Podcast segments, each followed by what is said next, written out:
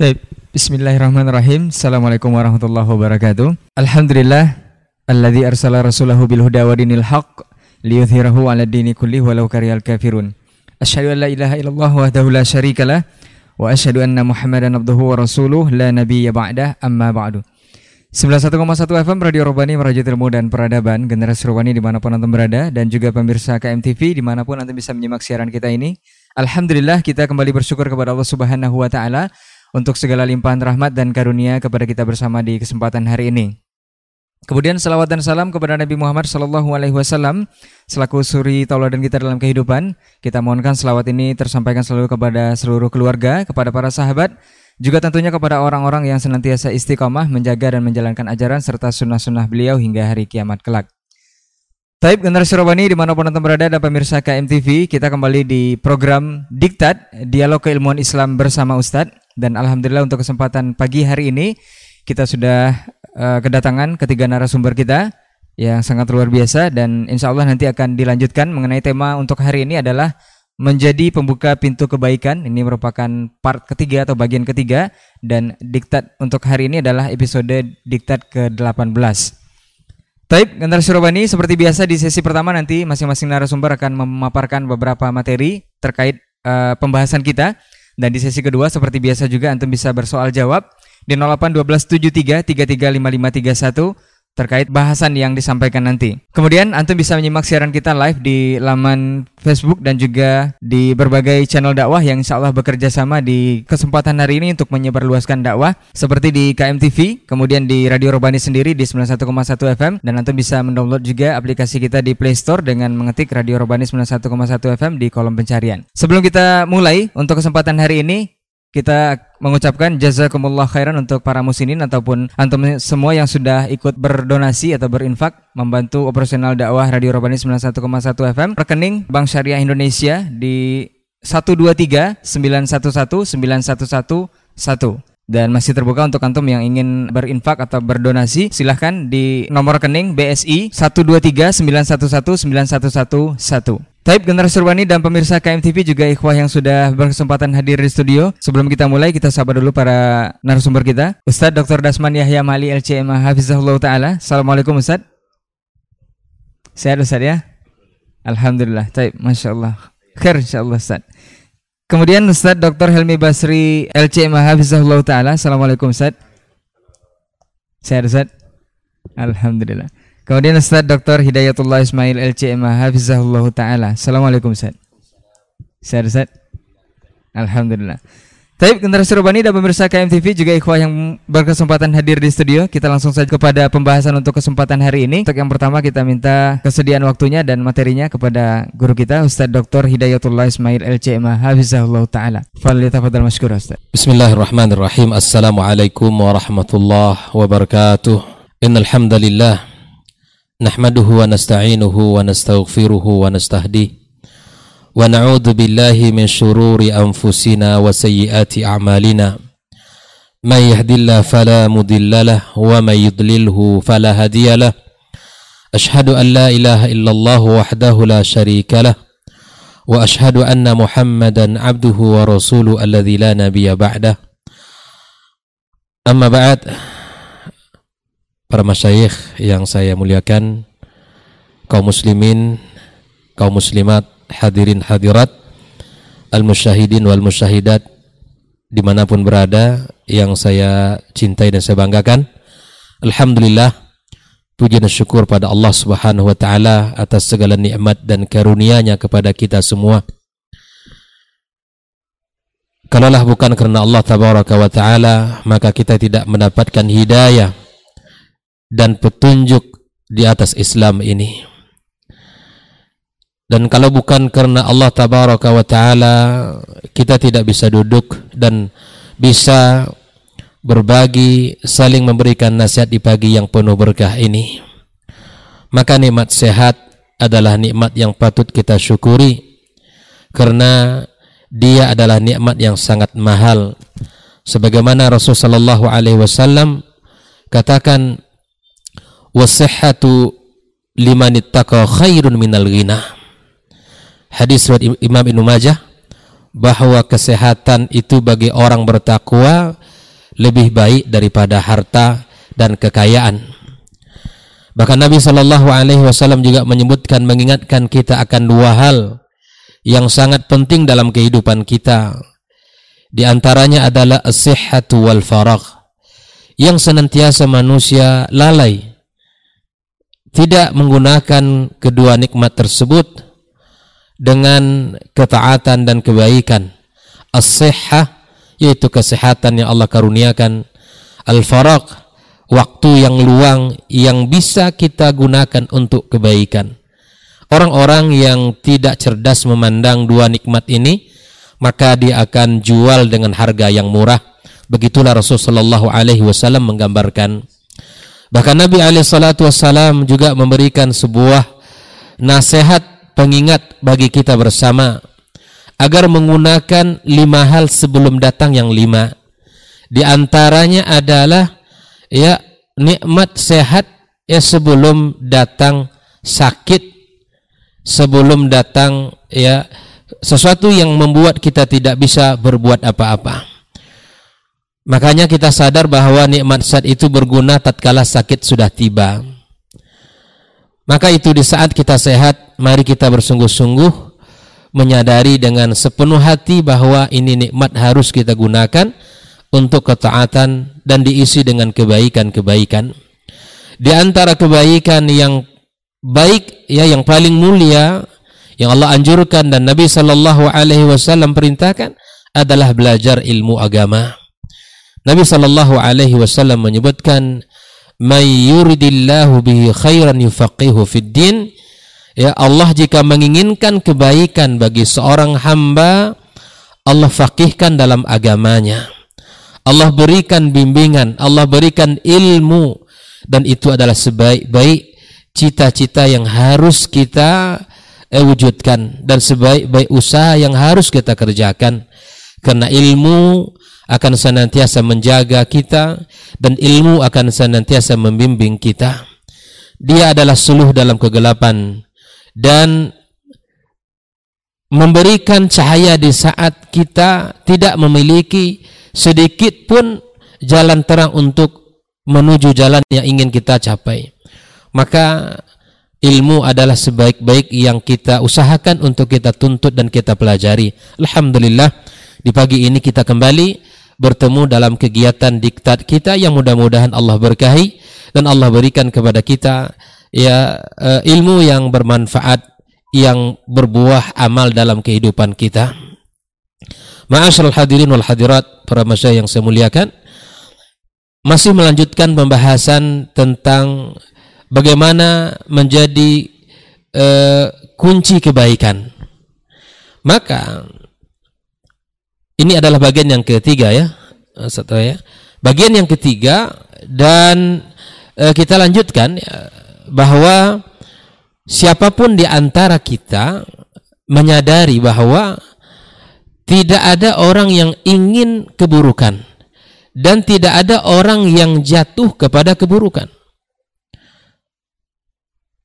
Semua kita menginginkan kebaikan. Semua kita menginginkan ya sesuatu yang dicintai Allah tabaraka wa taala. Namun kemudian tidak semua orang menyadari kunci-kunci kebaikan itu. Dan tidak semua orang mau dan bersungguh-sungguh untuk melakukannya. Padahal Allah tabaraka wa taala telah menyebutkan kunci-kunci kebaikan itu. Dan Nabi kita alaihi salatu wassalam juga telah menjelaskan kunci-kunci kebaikan tersebut.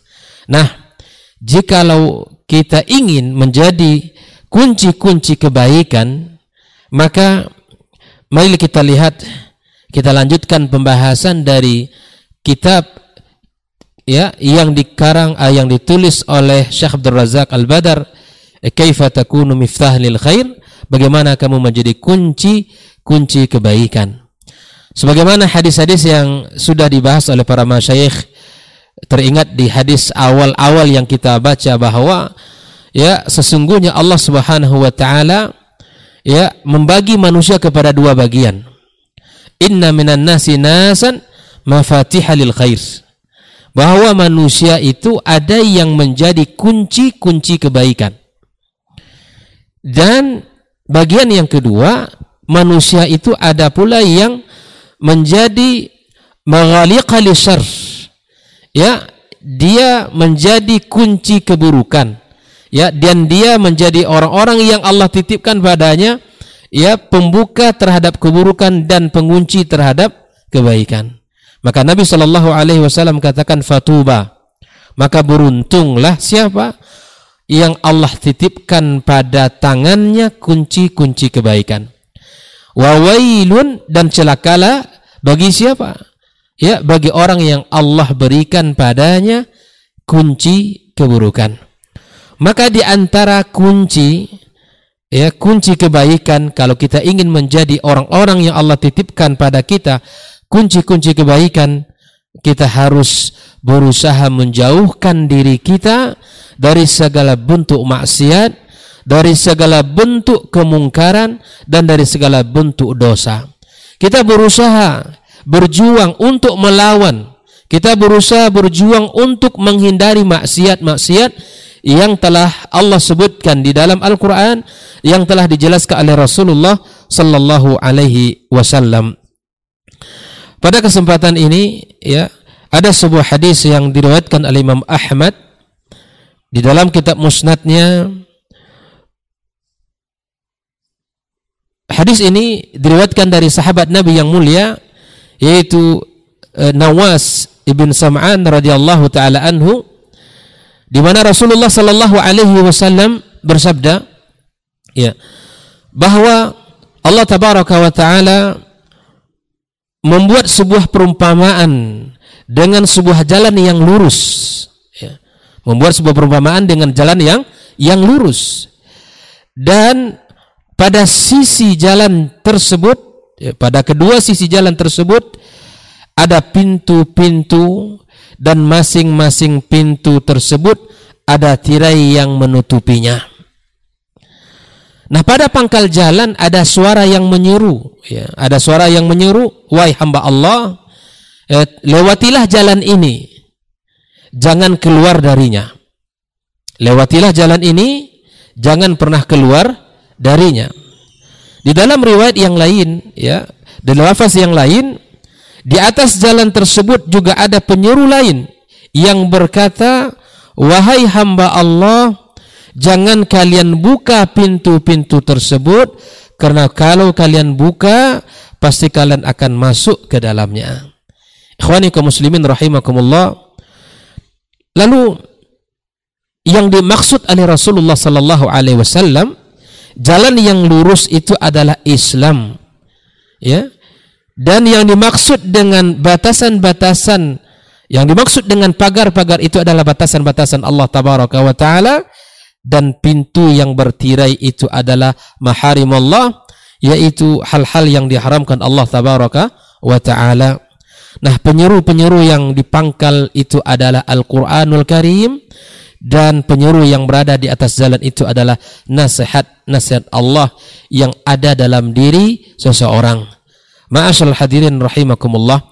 Kalau kita ingin menjadi ya kunci kebaikan maka kita mesti faham dengan hadis yang mulia ini bahwa ketika kita ingin menjadi orang-orang yang senantiasa mengajak kepada kebaikan atau menginginkan kebaikan untuk diri kita atau menginginkan kebaikan untuk orang lain maka kita harus faham eh, jalan-jalan eh, tersebut yaitu jalan yang lurus itu jalan Islam yang akan menjadikan kita berada di atas kebaikan maka ketika kita berada di atas Islam, kita harus merujuk kepada kitab suci kita.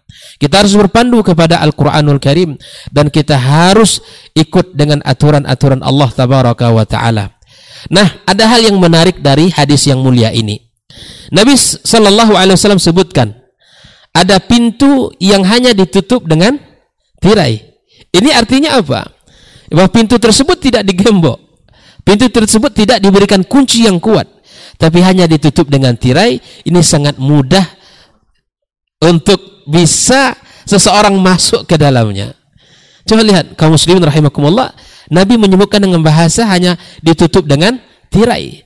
Nah, kalau kita tidak berhati-hati dengan pintu tersebut, kita akan dengan mudah membuka dan akan terjerumus kepada maksiat Allah tabaraka taala. Nah, bagaimana cara agar kita selamat dari maksiat dari kemungkaran dan dosa? Yang pertama, selalulah berdoa kepada Allah tabaraka taala. Minta kepada Allah perlindungan. Allahumma inni a'udzubika min syarri sam'i wa min syarri basari wa min syarri lisani wa min syarri qalbi. Minta kepada Allah perlindungan dari jeleknya pendengaran kita, dari jeleknya penglihatan kita, dari jeleknya lisan kita dan dari jeleknya hati kita. Minta perlindungan kepada Allah tabaraka wa taala.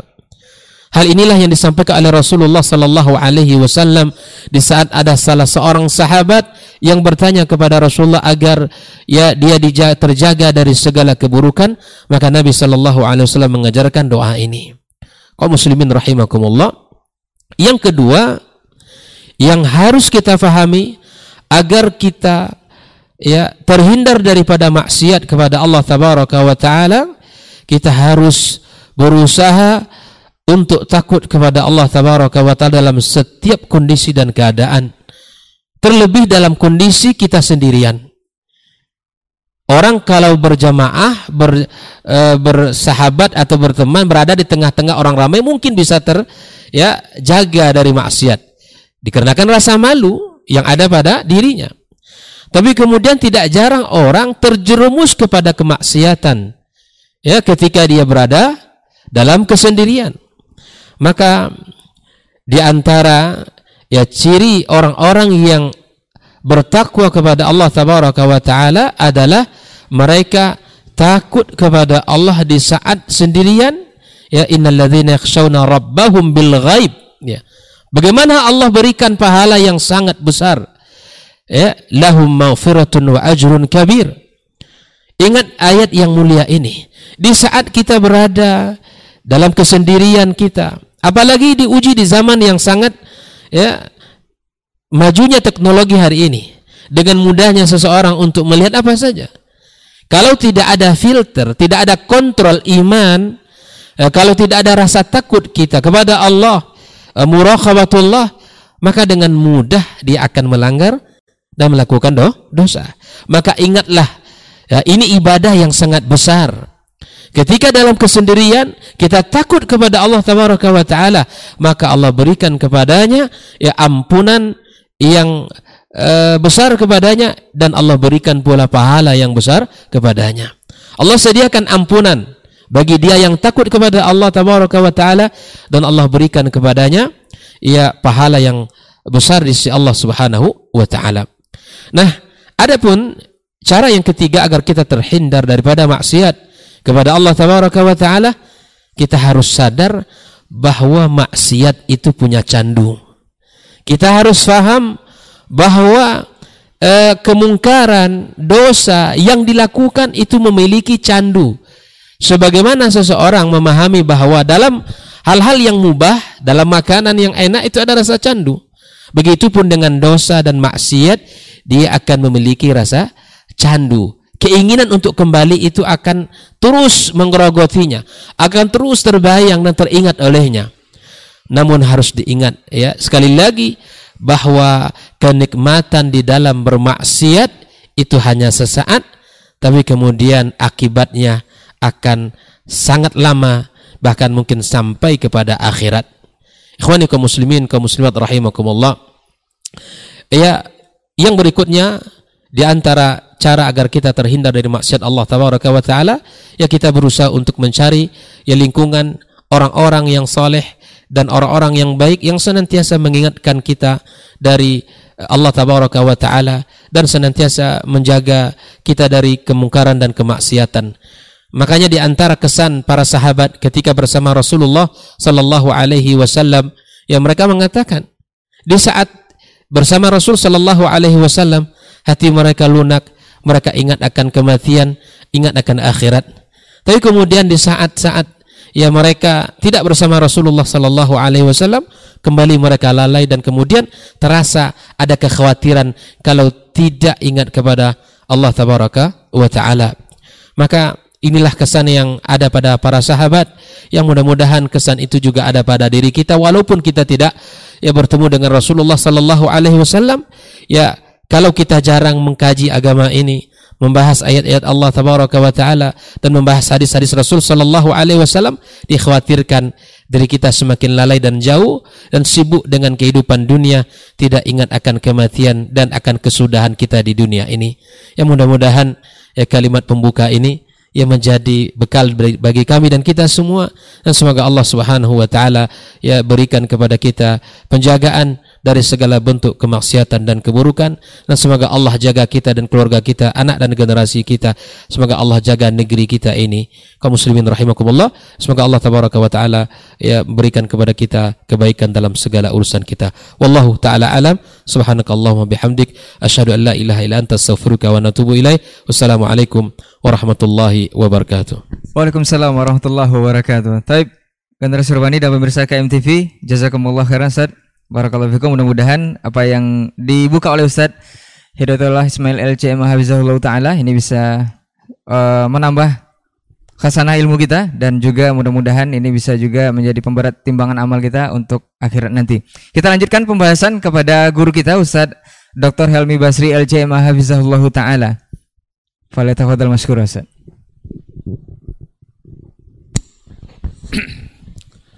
Bismillahirrahmanirrahim. Assalamualaikum warahmatullahi wabarakatuh. Alhamdulillah.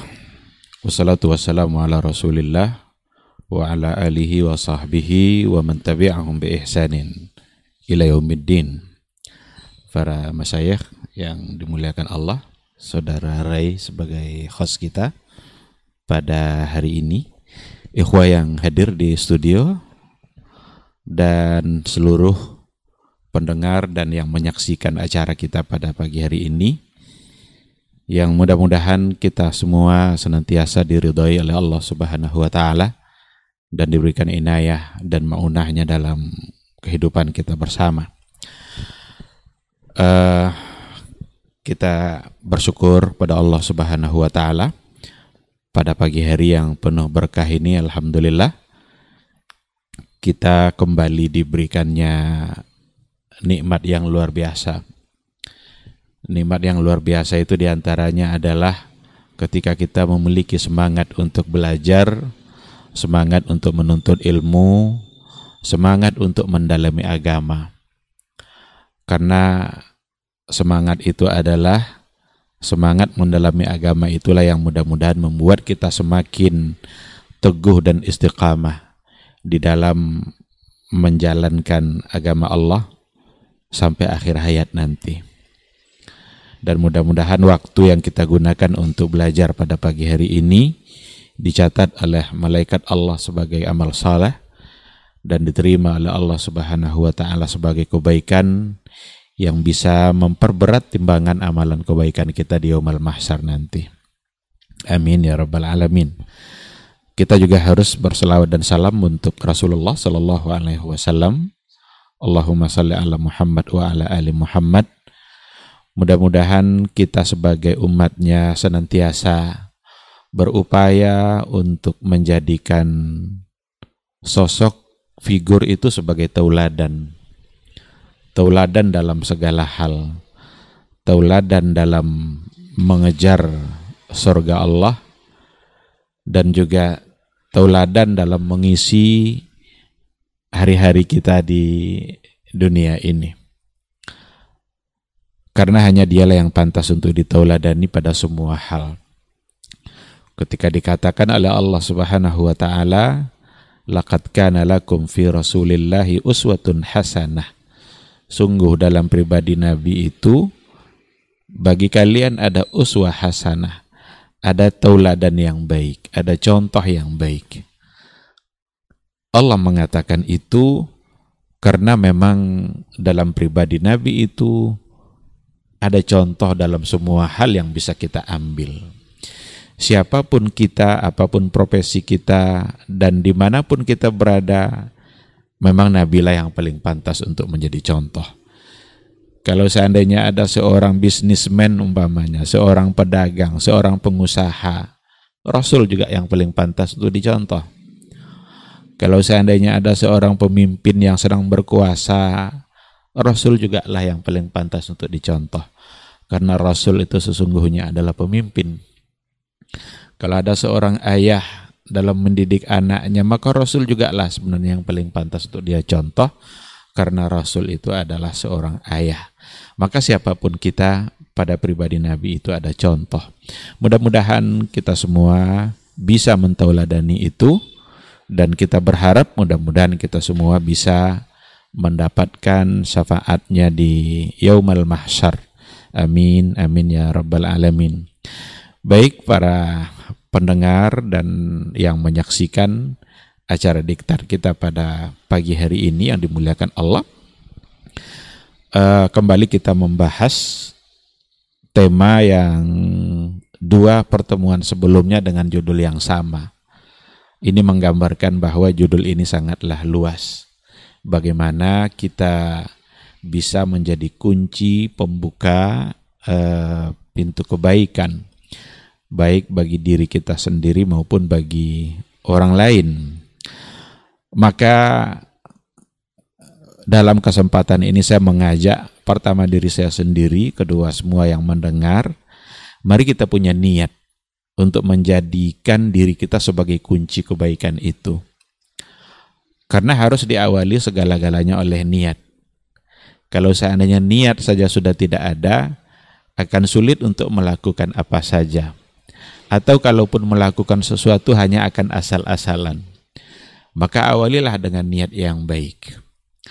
Dan niat itu haruslah diikutkan oleh usaha, oleh upaya, bagaimana kita selalu berupaya untuk menjadi kunci kebaikan dalam kehidupan kita. Oleh karena itu, seandainya di hadapan kita ada sebuah kebaikan yang diberikan oleh Allah, maka ambil cepat kebaikan itu. Laksanakan kebaikan itu sesegera mungkin. Karena ketahuilah bahwa di saat di hadapan kita ada sebuah kebaikan, peluang kebaikan yang diberikan oleh Allah, itu sesungguhnya Allah sedang menginginkan dia melihat kita dalam berbuat baik. Maka jangan pernah mengabaikannya. Seandainya kita dalam keadaan ekonomi yang berkelebihan, lalu tiba-tiba dapat informasi ada sesuatu yang bisa kita bantu. Itu sesungguhnya adalah pintu kebaikan yang diberikan oleh Allah dan Allah ingin melihat kita itu sedang berbuat baik. Seandainya tiba-tiba kita terbangun di sepertiga malam, mungkin ada sesuatu yang mengejutkan kita. Entah atap yang ditimpa sesuatu, lalu kita terbangun. Entah suara kendaraan yang begitu keras sehingga kita bangun. Kita tengok jam rupanya jam 4. Pada saat itu ketahuilah, Allah sedang memberikan peluang kebaikan. Allah sedang menginginkan dia melihat kita dalam berbuat baik. Maka bangunlah dan laksanakan kebaikan di waktu itu. Dan yang paling tepat kebaikan di waktu itu adalah sholat dan berdoa kepada Allah Subhanahu wa taala. Nah, oleh karena itu, apabila ada di hadapan kita satu kebaikan yang memang rasanya kita bisa melakukannya, ketahuilah itu Allah yang memberikan peluang itu karena Allah sedang menginginkan dia untuk melihat kita agar kita berbuat berbuat baik. Jangan abaikan. Dan kalau seandainya satu kebaikan yang ada itu kita ambil, maka yakinlah bahwa kebaikan itu akan melahirkan kebaikan-kebaikan yang lainnya. Abu Abul Khair tunadi uktaha.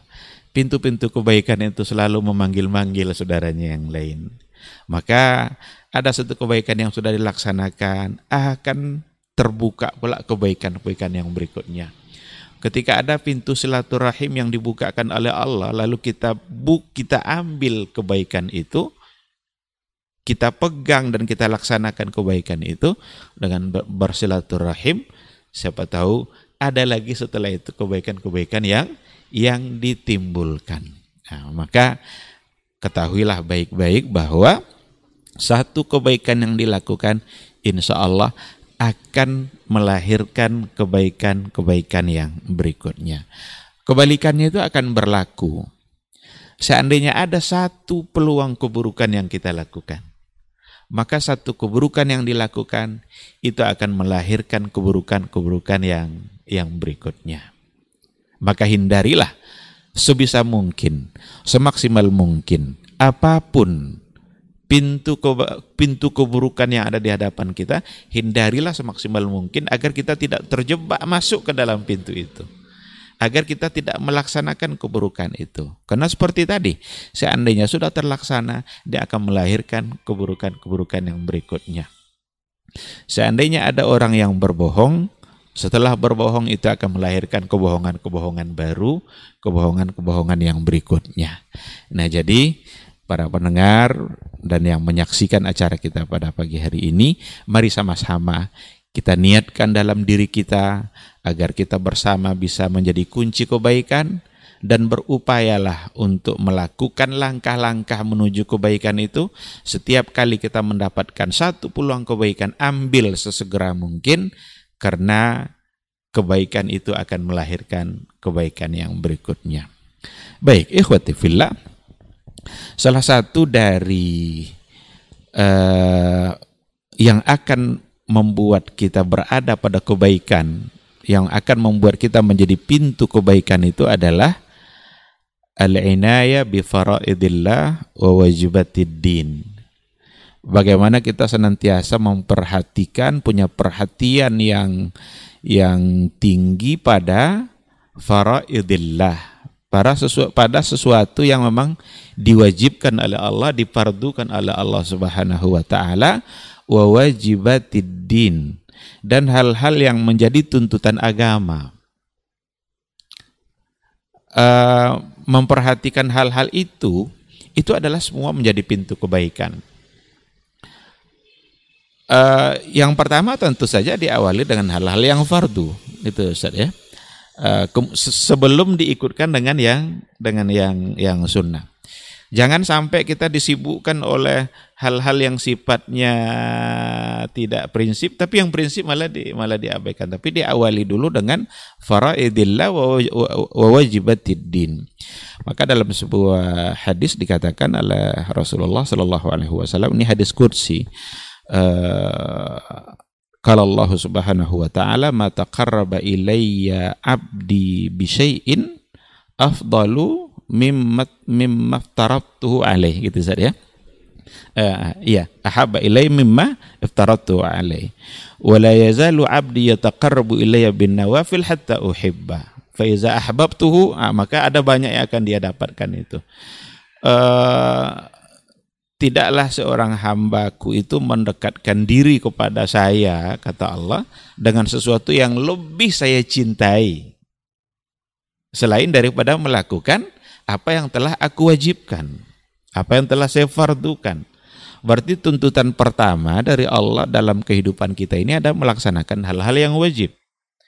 Ah, baru setelah itu wala yazalu abdi yataqarrabu ilayya bin nawafil hatta uhibba. Dan senantiasa atau selagi hamba-hambaku itu mendekatkan diri kepada saya bin nawafil, ah, nawafil tentu di bawah faraid dengan sesuatu yang eh, disunnahkan hatta uhibba sampai pada akhirnya saya mencintai dia. Dan apabila saya sudah mencintainya, maka dia akan senantiasa menjaga tangannya. Tangannya itu adalah saya, kata Allah. Itu bahasa kiasan kan? Artinya tangannya tidak pernah digunakan untuk melakukan sesuatu yang tidak diridhai oleh Allah. Kakinya itu ada saya katanya. Matanya itu adalah saya kata Allah. Matanya itu tidak pernah digunakan untuk sesuatu yang dimurkai oleh oleh Allah Subhanahu wa taala. Maka dari hadis ini dapat dipahami bahwa ketika kita punya perhatian dan teguh melaksanakan sesuatu yang difardukan oleh Allah, baru kemudian nanti ditambah dengan hal-hal yang disunnahkan oleh Allah, maka yang akan kita dapatkan adalah cinta dari Allah Subhanahu wa taala. Karena kata Allah hatta uhibbah sampai pada akhirnya saya saya mencintainya. Kalau Allah sudah mencintai kita, maka apa pun yang yang kita inginkan Allah akan memberikan. Bahkan kalau Allah sudah mencintai kita, belum kita minta Allah sudah beri. Karena Allah tahu apa yang menjadi kebutuhan kita. Lebih tahu Allah itu terhadap diri kita daripada diri kita diri kita sendiri. Maka kalau seandainya kita berdoa kepada Allah, mungkin belum dikabulkan oleh Allah, Allah tahu berarti kita belum membutuhkannya. Tapi kalau dia sudah mencintai kita, semuanya akan diberikannya bahkan sebelum kita sebelum kita minta. Baik, ikhwati fillah, saya ingin ambil uh, satu atau dua contoh dalam dalam persoalan ini. Bagaimana menjaga hal-hal yang difardukan oleh Allah Subhanahu wa taala itu akan menjadi kunci kebaikan bagi kehidupan kita. Baik bagi diri kita maupun bagi bagi diri orang lain. Dalam sebuah hadis dikatakan oleh uh, Rasulullah Shallallahu alaihi wasallam dan ini juga hadis hadis qudsi. Uh, ya bna Adam, kalau Allah ya bna Adam irka'liya arba'an fi awalin nahar. Akfika akhirahu. Jadi Allah bilang begini wahai anak Adam irka'li rukulah solatlah untukku arba'an fi awalin nahar. Solatlah empat rakaat di awal hari hari kamu akfika akhirahu saya akan cukupkan semua keperluan kamu sampai akhir hari itu sampai di hari itu ber, ber berakhir. Kata Syekhul Islam Ibn Taimiyah, eh, dia memandang bahwa yang dimaksud dengan arbaan di sini adalah dua rakaat sunat fajar dengan dua rakaat sholat fajar. Jadi kita empat empat rakaat kan. Jadi awalilah hari kamu dengan empat rakaat. Semua kebutuhan kamu akan saya penuhi sampai akhir hari itu. Apalagi yang mau kita yang mau kita cari di dunia ini sebenarnya. Bukankah kita sibuk untuk mencari sesuatu yang mencukupkan kita? Bahkan sudah cukup pun belum merasa cukup. Sudah berlebih pun masih terasa kurang. Sekarang Allah yang berjanji seperti itu. Kalau itu kamu lakukan, akfika akhirahu. Saya cukupkan semua keperluan kamu di hari itu sampai sampai akhirnya dengan modal empat rakaat Dua rakaat sunat fajar dan dua rakaat sholat fajar itu sendiri. Dan ini menggambarkan bahwa ditemukan dalam hadis ini dua yang fardu dan dua yang dua yang sunnah. Jadi ada kewajiban-kewajiban agama, ada tuntutan-tuntutan agama yang tidak sampai ke tingkat wajib. Ternyata itu semua kalau seandainya kita lakukan itu akan menjadi pintu kebaikan yang luar biasa bagi kita. Maka akan sangat salah kalau seandainya orang mencari rezeki lalu meninggalkan sholat. Sangat keliru, sangat tidak tepat. Dia mengejar dunianya tapi ternyata meninggalkan sholat. Padahal Allah berjanji, kalau kamu mulai hari kamu dengan empat rakaat dunia saya berikan. Bahkan dalam hadis lain kan al fajri khairun minad dunya wa ma fiha. Dua rakaat di sunat, sunat fajar itu aslinya ya. Dua rakaat sunat fajar itu lebih baik dari dunia dan segala segala isinya. Maka kalau seandainya kita ingin menjadi orang terkaya di dunia sebenarnya itu dengan mengerjakan yang tadi itu karena dengan mengerjakan itu kita mendapatkan dunia dan segala segala isinya. Kebaikan-kebaikan yang ada akan kita dapatkan melalui kegiatan fajar ketika kita mengawali hari kita dengan sholat sholat sunat fajar dan sholat fajar itu sendiri. Saking pentingnya sunat fajar itu bahkan boleh dikerjakan seandainya kita tidak terlaksanakan dua rakaat itu sebelumnya da, karena alasan tertentu boleh dikerjakan setelah setelah sholat subuh itu sendiri. Tapi bukan untuk dibiasakan seperti itu. Uh, ini nanti menjadi kebiasaan pula. Itu bukan lagi qabliyah namanya menjadi ba'diyah dia kan. Ini kan dua rakaat ini kan qabliyah. Maka hukum asalnya adalah sebelum dua rakaat fajar. Tapi ternyata kalau tertidur mungkin mungkin karena capek uh, orang sudah kamat di masjid tidak mungkin kita sholat lagi kan? Uh, sholatlah dulu subuh itu. Nanti kerjakan dua setelah itu boleh setelah subuhnya. Itu dibolehkan tapi kalau menjadi menjadikan sebagai kebiasaan itu tentu saja tidak tidak dibolehkan. Nah ini ini satu satu contoh. Jadi sholat itu sendiri, sholat itu sendiri sebagai satu kewajiban agama ternyata adalah pintu kebaikan bagi kehidupan kita. Dalam sebuah riwayat juga dikatakan man sallal fajra atau man sallas subha gitu saja ya. Fahuwa fi zimmatillah. Barang siapa yang mengerjakan salat subuh itu maka dia akan berada dalam lindungan Allah Subhanahu wa taala. Allah yang akan melindungi dia, memberikan perlindungan. Ini bukan pula berarti dia tidak akan mendapatkan hal-hal yang sulit atau tidak akan ditipu di hari itu, bukan itu pula maksudnya. Uh, maka dipahami juga baik-baik. Cuma seandainya ada orang yang mengerjakan sholat subuh, lalu pergi dia ke pasar, ditipu dia oleh pedagang mungkin di pasar. Pedagang yang menipu dia itu akan berurusan sama Allah. Karena yang ditipunya adalah orang yang yang mengerjakan sholat sholat subuh. Jadi bukan berarti tidak akan mendapatkan musibah karena berapa banyak orang mengerjakan sholat fajar tapi ternyata dia mendapatkan musibah. Seandainya itu dia alami, berarti Allah yang akan Allah yang akan uh, menanganinya, mengurusnya, memberikan solusi dalam dalam kesulitan-kesulitan yang dia dia hadapi. Kalau kita ambil umpamanya, contoh yang kedua umpamanya zakat. Zakat itu kan persoalan harta. Harta dalam Islam ini memang sangat detail aturannya oleh agama. Pertanggungjawabannya juga lebih detail. Karena untuk harta ini kan ditanya nanti dari mana dapat dan ke mana diarahkan. Dua pertanyaan untuk harta. Maka harta itu persoalan yang diatur oleh agama dan karena memang masalah harta itu bagian yang yang cukup penting bagi kehidupan. Semua orang mencintai harta. Tidak ada orang yang tidak mencintai mencintai harta. Karena itulah agama mengatur.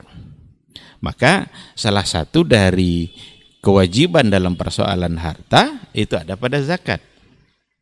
Dan zakat itu sendiri menjadi kunci kebaikan. Bahkan arti dari zakat itu sendiri di antara makna zakat adalah al-barakah. Al-barakah itu kan artinya ziyadatul khair. Bertambahnya kebaikan. Mana qasamalun min sadaqah. Tidak akan berkurang harta itu dikarenakan oleh dikarenakan oleh sedekah atau zakat yang yang dibayarkan. Maka perintah-perintah Allah yang dalam bentuk kewajiban-kewajiban seperti itu termasuk di antaranya harta itu sesungguhnya adalah karena Allah ingin memberikan kunci kebaikan itu bagi kehidupan kehidupan eh, hambanya. Dan untuk diketahui ya persoalan harta bukan hanya yang wajib saja. Ada yang wajibnya, ada yang sunnahnya, bahkan ada yang sukarela. Ya kan? Maka ada istilah nanti ada ada zakat, itu yang wajib. Ada infak, ada sedekah, ada wakaf, itu yang sunnahnya. Bahkan ada yang suka rela. Ada hadiah, ada hibah. Boleh kita melakukan hibah atau melakukan memberikan berikan hadiah. Intinya adalah dalam persoalan harta, kebaikan itu berbentuk kita melepaskan kepemilikan kita untuk dimanfaatkan oleh oleh orang lain. Apa saja namanya nanti. Nah jadi ketika itu dilaksanakan itu sesungguhnya adalah pintu kebaikan bagi kehidupan kita. Bagi dirinya dan bagi orang lain. Bagi orang lain ini jelas karena dia yang merasakan manfaat harta yang dia punya.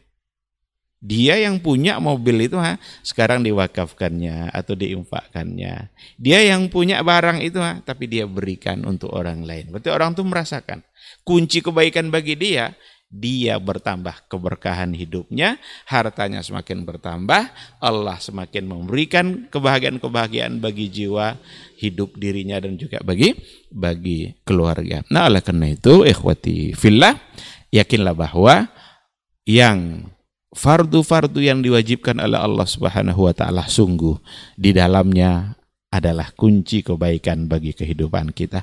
Kalau itu yang sudah kita jaga, kalau itu yang sudah kita jaga, yakinlah kehidupan kita akan senantiasa baik uh, karena uh, baik untuknya dan bisa memberikan kebaikan bagi bagi orang lain. Dan tuntutan agama itu seperti yang dikatakan tadi, ada yang uh, tidak semuanya wajib, tapi ada yang ada yang sunnah. Itu sesungguhnya adalah agar semua punya peluang untuk mendapatkan pahala yang sama.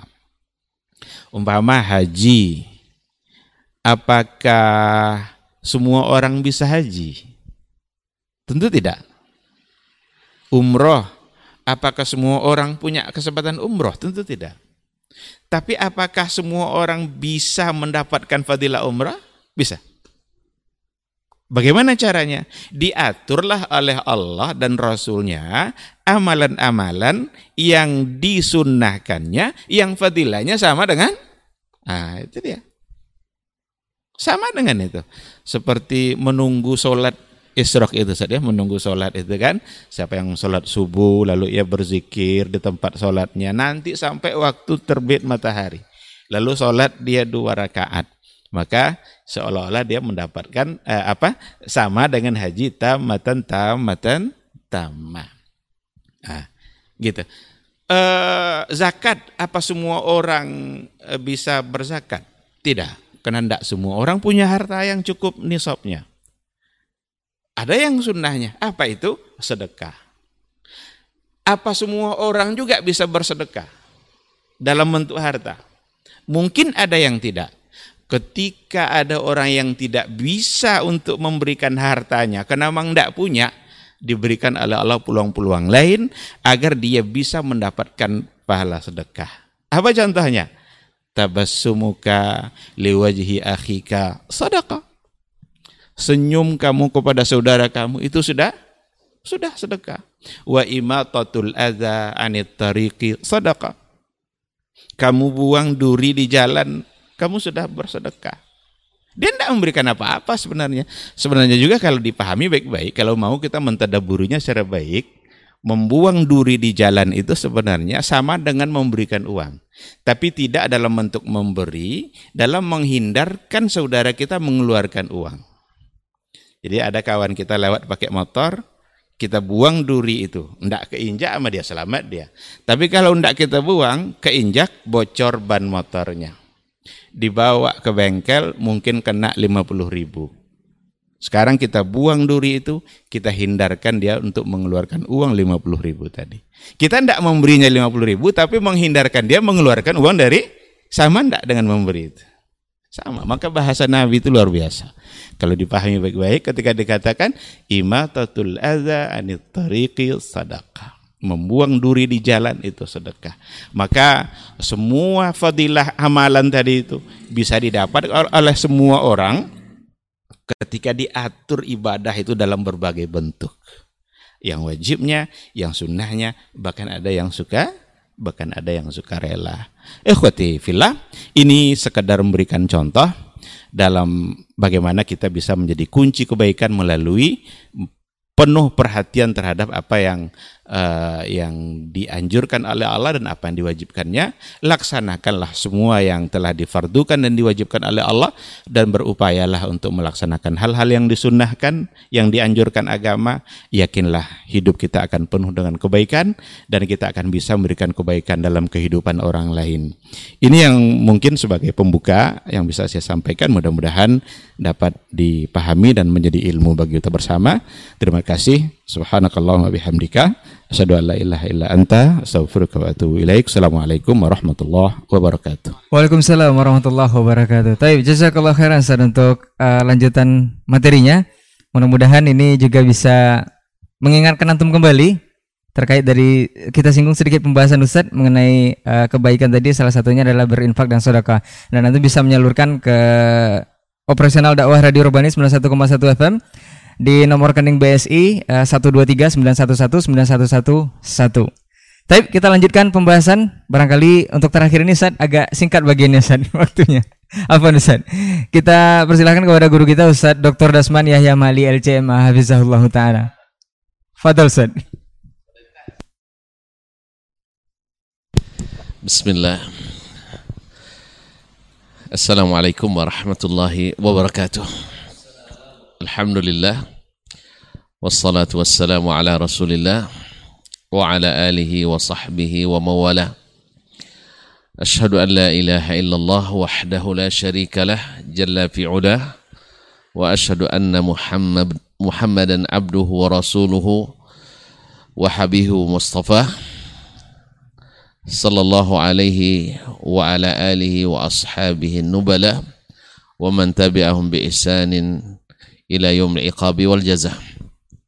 Amma ba'du fausi nafsi wa iyyakum bittaqwa fa innahu qad faza man ittaqa. Ya ayyuhalladzina amanu ittaqullaha haqqa tuqatih wa la tamutunna illa wa antum muslimun. Masya Allah tabarakallah di pagi yang cerah ini dan terasa sejuk cerah tapi sejuk. Karena Masya Allah kita bersama para masyayikh Al-Ustadzani Al-Jalilan Fadilat Dr. Hidayatullah Ismail wa Fadilatul Syekh Al-Ustadz Dr. Ilmi Basri ma'a kafatiz zumala di studio. Kita pagi ini bisa bersama. Mudah-mudahan menambah ilmu dan iman dan semakin mendekatkan kita kepada Al-Karim Ar-Rahman. Saya bersyukur sebab sudah dibahas panjang lebar oleh kedua syekh. Masya Allah, tabarakallah. Tinggal saya berdoa lagi. Ya, semoga apa yang disampaikan Dr. Hidayatullah menjauhkan diri dan menghindari segala pintu-pintu maksiat dan dosa. Kemudian setelah pintu itu ditutup, dihidupkan dengan membuka pintu-pintu ketaatan dengan melaksanakan segala kewajiban. Bahkan anjuran-anjuran Allah dan Rasulnya Sallallahu Alaihi Wasallam. Oleh itu mari kita doakan bersama semoga kita terhindar daripada dosa dan diberikan taufik untuk mentaati segala perintah. Uh, karena saya sifatnya menyempurnakan apalagi sudah diwanti-wanti oleh saudara Ray waktu yang tersedia sangat singkat. Oleh sebab itu saya harus siap-siap dikat. Oleh itu pada kesempatan ini saya coba insya Allah dalam tempo yang saya singkat-singkatnya. Ma'asyiral mustami'ina wal mustami'at para pendengar di Radio Rabbani 101,1 FM wa ma'asyiral musyahidina wal musyahidat para pemirsa melalui media di mana pun berada KMTV, Saudi TV dan media-media lain yang bekerja sama dalam dakwah ini. Dengan mengharap taufik dari Allah Subhanahu wa taala semoga kegiatan ini benar-benar menjadi kunci pembuka kebaikan dan penutup segala pintu keburukan. Di antara pintu pintu kebaikan yang besar yang masuk dalam semua lini dan aspek kehidupan kita sebagai anak manusia khususnya kaum muslimin dan muslimat adalah doa berkata Mutarrif Ibn Abdullah Ibn Syekhir seperti yang diriwayatkan oleh Imam Ahmad dalam kitab Zuhud nomor hadis atau nomor riwayat 1330 beliau mengatakan tazakkartu majma'ul khairi saya mencoba mengingat-ingat apa itu simpul-simpul kebaikan. Lalu beliau mengatakan faiza al khairu kathir. Oh ternyata kebaikan-kebaikan itu sangat banyak. As-sawmu was-salah, ada puasa, ada salat. Faiza zalika faiza huwa fi yadillah dan kita amati pula ternyata kebaikan-kebaikan itu semuanya ada di tangan Allah. Semuanya ada di tangan Allah Azza wa Jal. Wa anta la taqdiru illa an tas'alahu. Kalau seandainya kamu tidak sanggup mendapatkan apa yang di tangan Allah Azza wa Jal illa an tas'alahu kecuali dengan meminta kepadanya fayu'tik lalu dia berikan fa idza jima'ul khairi ad-du'a. Dengan demikian ternyata simpul-simpul kebaikan itu ada pada doa.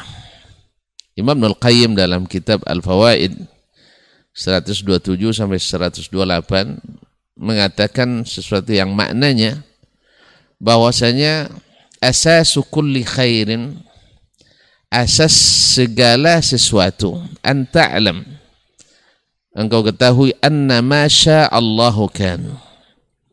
Bahwa apa yang Allah kehendaki pasti terjadi. Wa ma lam yasha lam yakun. Dan apa yang dia tidak kehendaki maka itu tidak akan terjadi. Oleh sebab itu ma'asyiral muslimin ma'asyiral muslimat dirahmati Allah maka engkau mendapatkan nikmat kata beliau yang merupakan kebaikan maka engkau syukur kepadanya dan bertadarruk kepadanya untuk diberikan selalu kebaikan. Dan bila engkau dijauhkan dari keburukan itu juga sesuatu yang dikehendaki Allah Subhanahu wa taala maka memintalah kepadanya selalu dijauhkan dari keburukan. Oleh itu, ikhwani wa khawati billah, ma'asyal mustami'in wal mustami'at wal musyahidin wal musyahidat wal hadirin baik yang mendengar maupun yang menyaksikan bahkan saudaraku yang hadir di studio. Allah subhanahu wa ta'ala melalui Nabi alaihi salatu wassalam menyampaikan pesan-pesannya kepada kita. Baik pesan langsung berupa perintah atau pesan secara tidak langsung dengan menyebutkan kisah-kisah orang-orang saleh dari kalangan para nabi dan rasul di mana Allah SWT menjadikan makhraj menjadikan solusi bagi segala kesempitan yang mereka hadapi bahkan menjadi kunci-kunci pembuka kebaikan yang mereka ingini dan ingin dicapai di kemudian hari adalah melalui doa. Adalah melalui doa dan tadarruk kepada Allah taala. Bahkan Allah tabaraka wa taala melalui Nabi alaihi salatu wasallam menyampaikan bahwasanya di saat paling dekat kita kepadanya maka sesuatu yang paling diinginkannya dari seorang hamba itu adalah doa. Aqrabu ma yakunul abdu min rabbih wa huwa sajid. Fajtahidu fihi bid-du'a faqaminun ayustajaba lakum. Sedekat-dekat hamba kepada Rabbnya di saat dia sedang sujud. Sedang sujud. Rukun yang paling dahsyat di dalam salat adalah sujud. Karena tidak bisa diberikan kecuali kepada Allah tabaraka taala. Dan sedekat-dekat hamba kepada Allah adalah saat dia sedang sujud sujud dalam satu amalan yang paling dicintai Allah yang pertama dihisap hari kiamat yang bila baik segala amal yang jadi baik bila buruk jadi buruk bila diterima diterima yang lain bila ditolak ditolak yang lain adalah salat Berarti ini akan ditanya Allah SWT dan hisab pertama. Nah di rukunnya yang paling dekat kita mendekatkan kita kepadanya. Maka yang diperintahkan adalah berdoa kepadanya. Karena apa kaum muslimin dan muslimat sedang jemaah yang dirahmati Allah. Bahwasanya segala kebaikan yang kita dirikan tadi. Tidak berlaku kecuali karena kehendak Allah. Sekarang kita diberikan nikmat salat. Nah nikmat salat ini kalau bukan dijaga oleh Allah bisa saja akan lepas dari kita maka kita meminta kepadanya supaya kita ditetapkan untuk beristiqamah di agamanya di antara doa yang diajarkan Nabi dalam sujud adalah di antara doa yang diajarkan oleh Nabi alaihi salatu wassalam dalam sujud adalah ya muqallibal qulub ya muqallibal qulub tsabbit qalbi ala dinik ya Allah yang membolak-balikkan hati manusia. Tetapkan hatiku di atas agamamu. Ya musarrifal qulub, sarrif qalbi ala ta'atik. Wahai Allah yang membolak-balikkan hati, tetapkanlah atau balik arahkanlah hatiku kepada ketaatan kepadamu. Ma'asyiral kiram dirahmati Allah. Apa pun yang kita inginkan, kebaikan yang ingin kita raih atau keburukan yang hendak kita jauhi, semua itu bermuara pada doa. Ma'asyiral kiram dirahmati Allah dalam dalam banyak ayat Al-Qur'anul Karim dan dalam banyak hadis-hadis Nabi alaihi salatu wassalam diajarkan kita untuk banyak berdoa. Karena dia adalah kunci-kunci kebaikan. Dan siapa yang paling banyak berdoa untuk kebaikan dunia dan akhirat maka dia adalah sebanyak-banyak orang yang membuka kunci kebaikan. Mari kita lihat Nabi kita Ibrahim alaihissalam beliau merupakan abul anbiya maka doa beliau paling banyak pula diabadikan Allah dalam Al-Quranul Karim. Dalam surat Ibrahim, doa berbagai doa yang dibacakan atau dibacakan oleh Ibrahim alaihissalam dan imbasnya sampai kepada anak cucunya, sampai kepada kita. Rabbi inni askantu min zurriyati biwadin ghairi dzar'in uh, inda baitikal muharram rabbana liyuqimus. Ya Allah, aku setelah meninggalkan uh, dari keturunanku di suatu lembah yang tidak ada berpenghuni. Di samping Baitukal Muharram di samping rumahmu yang dihormati. Rabbana liyuqimus salah Ibrahim berdoa supaya mereka mendirikan salat. Kalau hendak mendirikan salat dia berdoa diletakkan anaknya di tempat yang mengingatkan kepada salat ini adalah pintu kebaikan kaum muslimin dan muslimat. Dia letakkan anaknya inda baitillahil haram. Dekat Ka'bah al-Musharrafah. Maka ini salah satu usaha yang dilakukan Ibrahim dengan doa yang tak pernah henti untuk supaya anaknya dan keturunannya menjadi orang-orang yang senantiasa mendirikan salat bahkan beliau berdoa Rabbi ja'alni muqimis salah wa Rabbi ja'alni wa min zurriyyati Rabbana wa taqabbal du'a ya Rabbi jadikan aku sebagai orang-orang yang orang yang mendirikan salat. Demikian pula keluargaku. Ma'asyiral kiram dirahmati Allah. Kita ingat bagaimana Sayyiduna Muhammad sallallahu alaihi wasallam. Dalam doa terlihat cinta. Dalam doa tersimpan harapan. Dalam doa nampak ketakwaan dalam doa nampak kebutuhan dan kerendahan. Dalam doa kasih sayang. Makanya ketika Nabi alaihissalatu wassalam di saat sedang di saat sedang puncak-puncaknya tekanan orang-orang Quraisy di saat mereka melihat tidak ada lagi pelindung Nabi alaihissalatu wassalam Khadijah yang tempat segan mereka karena martabat dan kekayaannya, jasa yang pernah ditanamnya di masa jahiliyah dulu yang merupakan istri Nabi alaihi salatu wassalam, mereka masih segan-segan kepada Khadijah. Beliau sudah dipanggil Allah Subhanahu wa taala radhiyallahu anha. Abu Talib, paman Nabi alaihi salatu wassalam yang dulu senantiasa berdiri bersamanya, tapi sayang tak beruntung mendapatkan cahaya dakwahnya Luar biasa sedihnya Nabi alaihissalatu wassalam. Dan di saat itulah orang Quraisy semakin menjadi-jadi. Kalau bahasa kita semakin masuk ayam. Ya semakin masuk ayam. Habis diacak-acaknya dakwah Nabi alaihissalatu wassalam.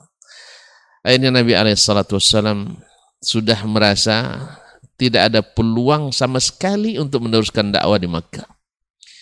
Beliau berpikir mudah-mudahan saudara sepersusuan yang ada di Hawazin di Taif. Beliau di, beliau pernah disusukan oleh Ibunda Halimatus Sa'diyah radhiyallahu taala anha. Mudah-mudahan saudara sepersusuan, datuk sepersusuan, mama sepersusuan dan sebagainya. Mudah-mudahan Allah berikan kepada mereka hati yang tunduk. Maka Nabi menuju ke Taif. Dalam perjalanan yang susah karena kawasan yang memang terjal, jarak tidak kurang kalau dengan jalan tol sekarang lebih kurang 70 72 km lebih kurang Nabi datang ke sana menemui para pemuka Apa yang terjadi? Yang terjadi justru yang terjadi justru penolakan yang lebih menghinakan. Subhanallah. Nabi dilempari dengan batu, dicaci maki dan dihinakan. Yang lebih hina lagi, yang disuruh adalah orang-orang yang kurang akal dan anak-anak. Subhanallah. Bahkan petinggi mereka mengatakan, kalau kau benar Nabi, saya tidak butuh mendengarkanmu. Andai kau bukan Nabi, kau bukan level untuk berbicara kepada kami. Subhanallah. Nabi Muhammad sallallahu alaihi wasallam bukan level untuk berbicara dengan mereka. Padahal mereka adalah akhbathu khalqillah, seburuk-buruk hamba Allah cuman karena kesombongan bahwasanya mereka sedang berkuasa. Nabi yang merupakan akramul khalq ajma'in mereka dianggap Nabi dianggap tidak level berbicara dengannya. La haula wala quwata illa billah. Ini juga pelajaran berharga bagi siapa pun dai.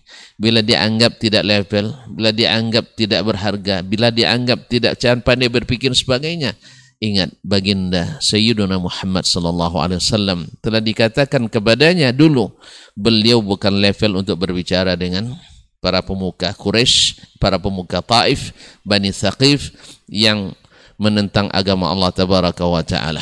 Ma'asyal kiram dirahmati Allah. Akhirnya Nabi sallallahu alaihi wasallam berdarah tumitnya, berjalan dengan kesedihan sampai-sampai beliau berjalan tanpa terasa sampai pada suatu tempat bertemu dengan malaikat Jibril. Allah turunkan malaikat Jibril alaihissalam bersamanya malakul jibal gunung malaikat gunung yang siap menawarkan jasa untuk membalas dendam yang sudah tidak ada asa. Ya dendam yang tidak terbatas lagi. Menurut kita. Ya untuk membalas kezaliman orang-orang Quraisy dan orang Bani Thaqif. Ma'asyarul kiram dirahmati Allah. Sebelumnya saya ingatkan dalam sirah disebutkan Nabi SAW ketika orang-orang Bani Thaqif dan Hawazin menolak dakwanya, Nabi bilang, kalau kalian tak terima dakwah saya, tidak bebas saya menyampaikan perkataan Rob saya, tolong jangan sabocorkan berita ini kepada orang Quraisy. Coba permintaannya, jangan sampai penolakan Quraisy, eh penolakan Thaqif sampai ke orang Quraisy. Karena pasti akan lebih dahsyat lagi di saat mereka tahu bahwa tidak ada lagi saudara persusuannya ya pampaman persusuan dan seterusnya tidak membelanya lagi. Ke mana dia nak pergi? Tetapi mereka justru mengancam Nabi alaihi salatu wassalam dan menghinakan Nabi alaihi salatu wassalam. Di saat itulah datanglah malaikat Jibril karena mereka katakan ke Nabi SAW, Inna Allah qad, qad nazara aw ra'a ma fa'ala qaumuka bik wa ma fa'ala banu thaqib bik wa qad sami'a qaulak dalam sirah disebutkan Nabi wassalam mengadu Allahumma innama ashku ilaika dha'fa quwwati wa qillati hilati ala wa qillati hilati wa hawani ala nas ya rabbi laula bika alayya ghadabun fala ubali. Ya Allah hanya kepadamu aku adukan kelemahanku. Kepadamu aku adukan sedikitnya jalan yang bisa aku tempuh dalam dakwah ini. Dan bagaimana aku dihinakan oleh manusia. Tetapi kalau engkau tidak murka kepadaku, aku tidak peduli.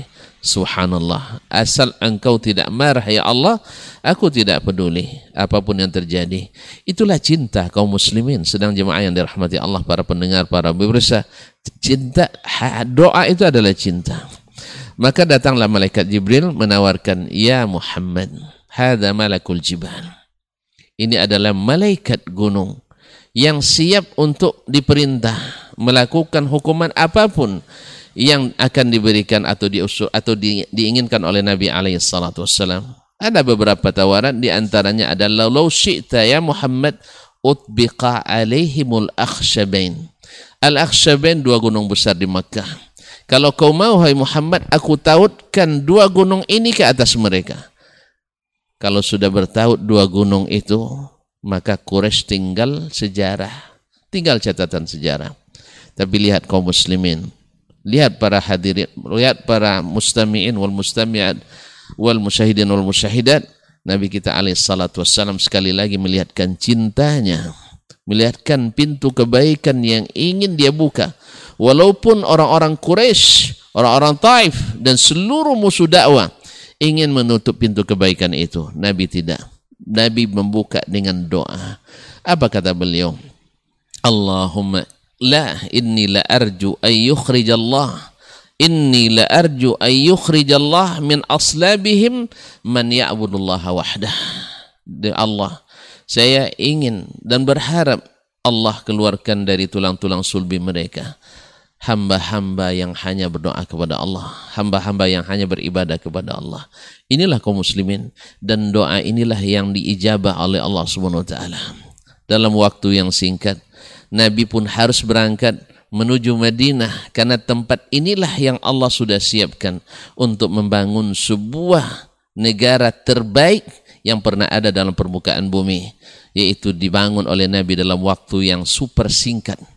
Ahli sejarah mana pun pasti harus mengakui negara yang hebat hanya dalam hitungan 10 tahun dibangun oleh Nabi alaihi salatu wassalam dalam penuh tekanan bukan tanpa gangguan.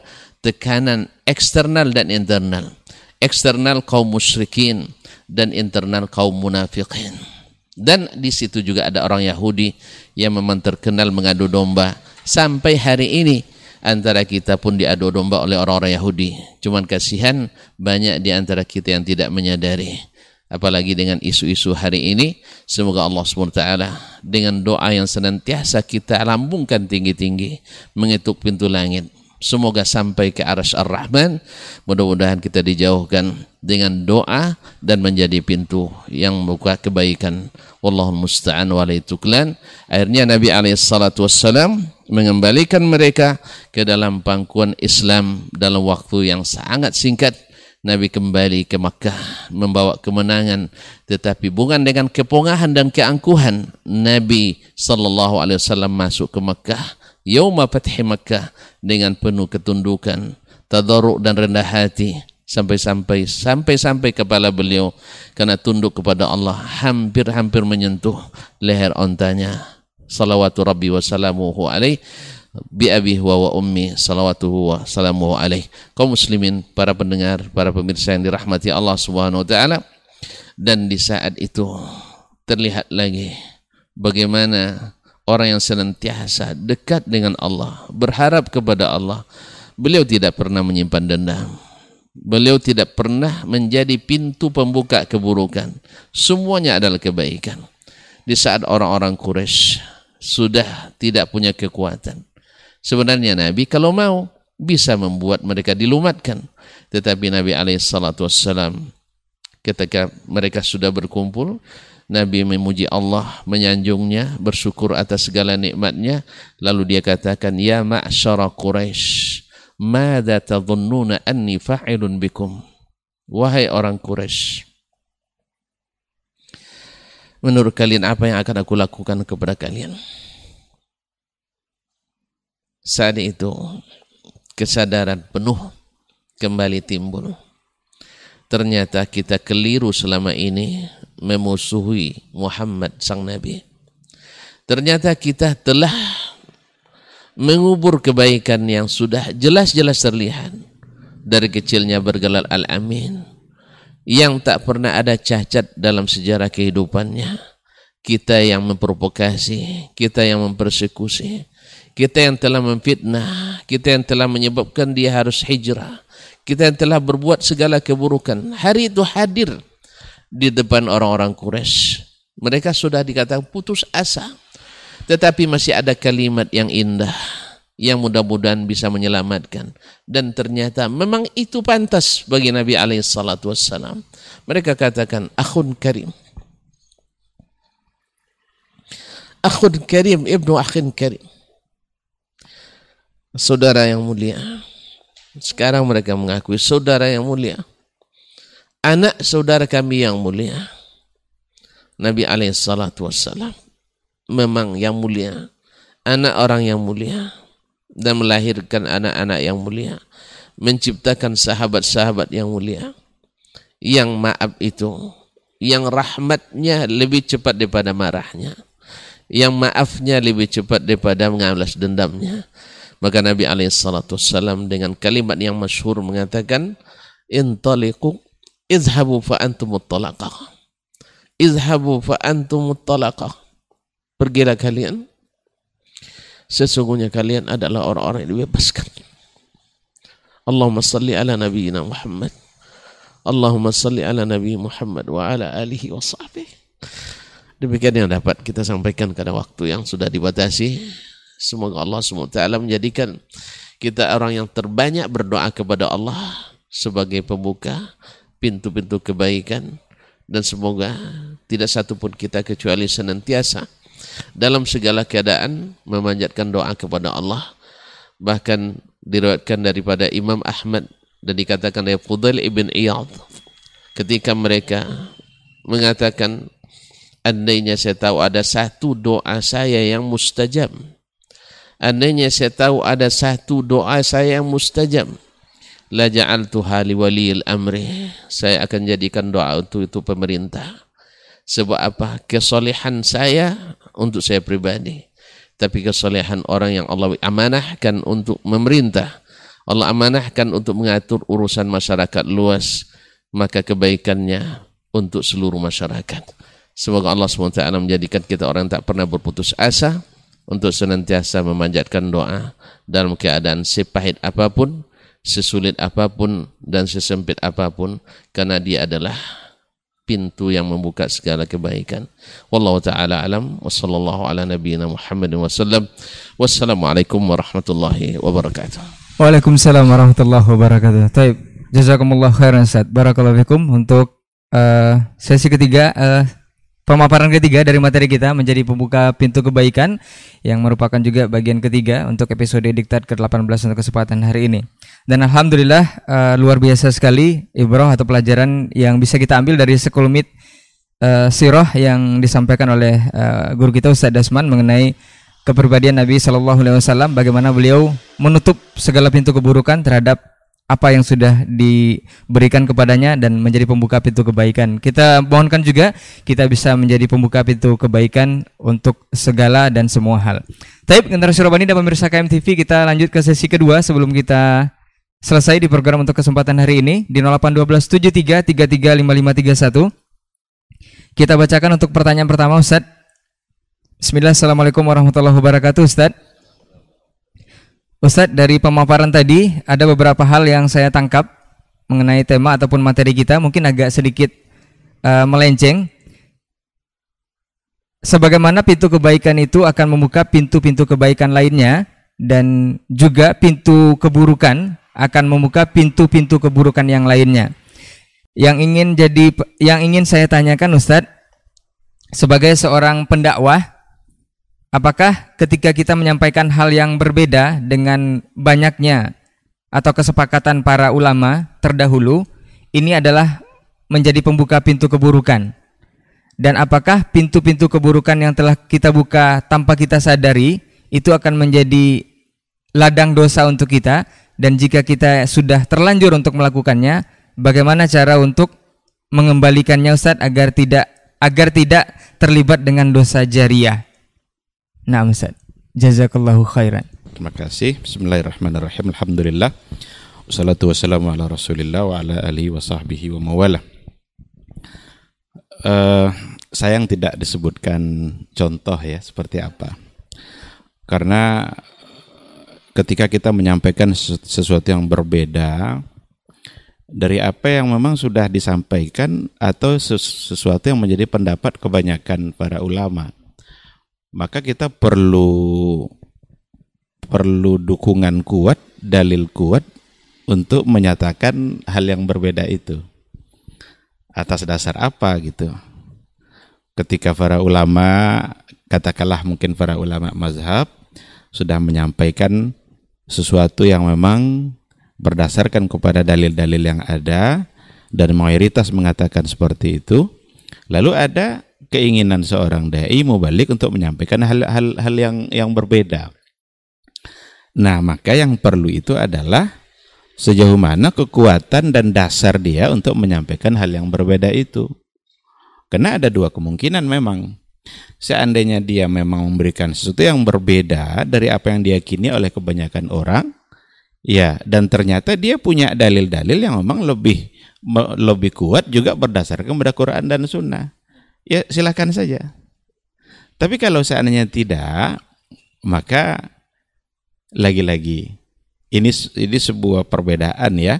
Walaupun perbedaan itu di, di, ditolerir dalam beragama, tetapi ada saatnya kita eh, apa namanya? kita meninggalkan apa yang menjadi pendapat kita eh, atau apa yang menjadi pendapat yang kita yakini itu harus kita tinggalkan kalau seandainya memang ternyata berada pada tidak pada pihak yang tidak tidak benar.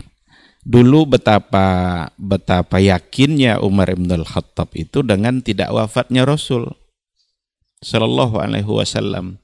Jadi wafatnya Rasul itu aja itu berbeda itu. Semua mengatakan Rasul wafat, Umar coba. Rasul tidak wafat katanya. Dikeluarkannya pedangnya. Siapa yang bilang Rasul wafat, saya penggal lehernya. Yakin tidak dia dengan pendapatnya itu? Sangat yakin kan? Yakin sekali, bahkan berani mau mau, mau memenggal leher kalau kalau seandainya tetap meyakini Rasul wafat. Disampaikanlah sebuah ayat oleh Abu Bakar As-Siddiq. Wa ma Muhammadun illa rasulun kad khalat min qablihi rusul afa immata kutila qalabtum ala aqabikum. Umar pingsan lalu sadar dan dia mengatakan seolah-olah saya tidak pernah membaca membaca ayat ini. Ini pelajaran luar biasa bagi kita hari ini. Ada satu keyakinan yang ada satu pendapat yang benar-benar kita yakini itu benar. Tapi ternyata mungkin karena kita belum tahu yang sebelahnya. Yang ternyata ketika Abu Bakar mendatangkan sebuah ayat, masihkah Umar bertahan dengan pandangannya? Tidak. Umar meninggalkan pendapat, oh iya Rasul sudah wafat. Nah, semangat meninggalkan yang salah seperti ini karena di hadapan dalil itu yang yang paling yang paling penting. Nah, uh, oleh karena itu sekali lagi uh, kita harus melihat sejauh mana apa yang kita uh, yakini dan ternyata berbeda dengan kebanyakan tadi itu berada pada pihak pihak yang uh, yang benar gitu uh, apa namanya dan memang uh, ini bisa nanti pada banyak banyak persoalan gitu kan. Bisa terjadi pada banyak banyak persoalan. Dan memang juga bahwa kebenaran itu tidak ditentukan juga oleh banyak. Jadi bukan kasroh itu yang menunjukkan banyak. Dia asal dia banyak lalu uh, lalu dia yang benar gitu kan. Yang sedikit lalu dia salah gitu karena al-ibrahnya bukan bil kasrahnya. Tetapi anta ala ala haq wa in wahdak. Kamu bisa berada pada pihak yang benar meskipun kamu kamu sendiri asalkan memang itu yang sesuai dengan Al-Qur'an dan dan sunnah. Dalam persoalan akidah umpamanya berapa banyak orang yang menganggap mayoritas meyakini begini, tetapi perlu diukur gitu, perlu diukur kebenarannya seperti apa dan kekuatan dalil yang dipunya seperti apa, karena tidak mustahil juga meskipun jumlah sedikit, kalau memang ingin dianggap sedikit, bisa saja itu yang itu yang yang uh, benar. Nah oleh karena itu yang jadi patokan standar kebenaran bukanlah hanya banyak saja, tetapi kesesuaiannya dengan Al-Quran dan Sunnah. Seandainya ada orang berbeda dari pandangan yang yang yang kebanyakan, yang jumhur, tapi ternyata memang itu yang yang mendekati pada kebenaran, tidak apa-apa dia boleh untuk untuk me menyampaikan. Tapi kalau sudah ternyata memang dia yang banyak itu yang yang kuat, ngapain juga dipertahankan juga yang yang ini mungkin entah karena tradisi atau karena memang e, nanti tidak enak apa omongan orang sama kita itu kan sudah tidak bisa lagi menjadi menjadi alasan di hadapan kebenaran Al-Qur'an dan e, sunnah. Mungkin ini e, yang bisa saya sampaikan, mudah-mudahan bisa ditambahkan oleh masyayikh yang lain. Terima kasih. Baik, jazakallah khairan untuk jawabannya. Ustaz ada tambahan Ustaz? Nah Ustaz. uh, seperti yang dikatakan oleh beliau tadi, ya ini sifatnya normatif. Karena juga pertanyaan tidak tentang kasus tertentu. Pertama, Nabi Alaihissalam memulai dakwahnya dulu menyampaikan apa yang berbeda dengan kebanyakan orang, bahkan semua orang pada masa itu. Maka masalah menyampaikan yang berbeda dengan yang diyakini atau diamalkan oleh sebagian besar, bila memang berdasarkan ilmu, maka yang mesti disampaikan karena takhirul bayan an waqtil hajati la yajuz. Itu melambatkan keterangan dari waktu dibutuhkan tidak boleh. Apalagi ada ancaman ayyuma rajulin atahu Allahu ilman fakatamahu aljamahu Allah yaumil qiyamati bil jamin min nar. Dia surat Imam At-Tirmizi dengan sanad sahih dari Abu Hurairah. Siapa yang Allah berikan kepadanya ilmu lalu dia sembunyikan maka Allah akan kekang dengan api neraka di akhirat. Oleh sebab itu masalah menyampaikan ilmu itu sesuatu yang diwajibkan bagi seorang alim. Cuman seorang alim kan juga kalau menyampaikan melihat situasi dan kondisi apakah ini masuk sesuatu yang tidak boleh ditakhirkan, tidak boleh dilambatkan misalnya orang mungkin kebanyakan di tempat kita tinggal melakukan suatu ritual syirik misalnya. Ritual syirik misalnya maka apakah ini boleh dilambatkan? Tidak. Sebab dikhawatirkan mungkin dari kegiatan itu mereka melakukan sesuatu yang syirik yang membatalkan seluruh amalnya. Dan kita tanggung jawab besar di sini. Kemudian ketika menyampaikan itu, ada lagi hal lain. Apakah mudaratnya lebih besar daripada manfaatnya?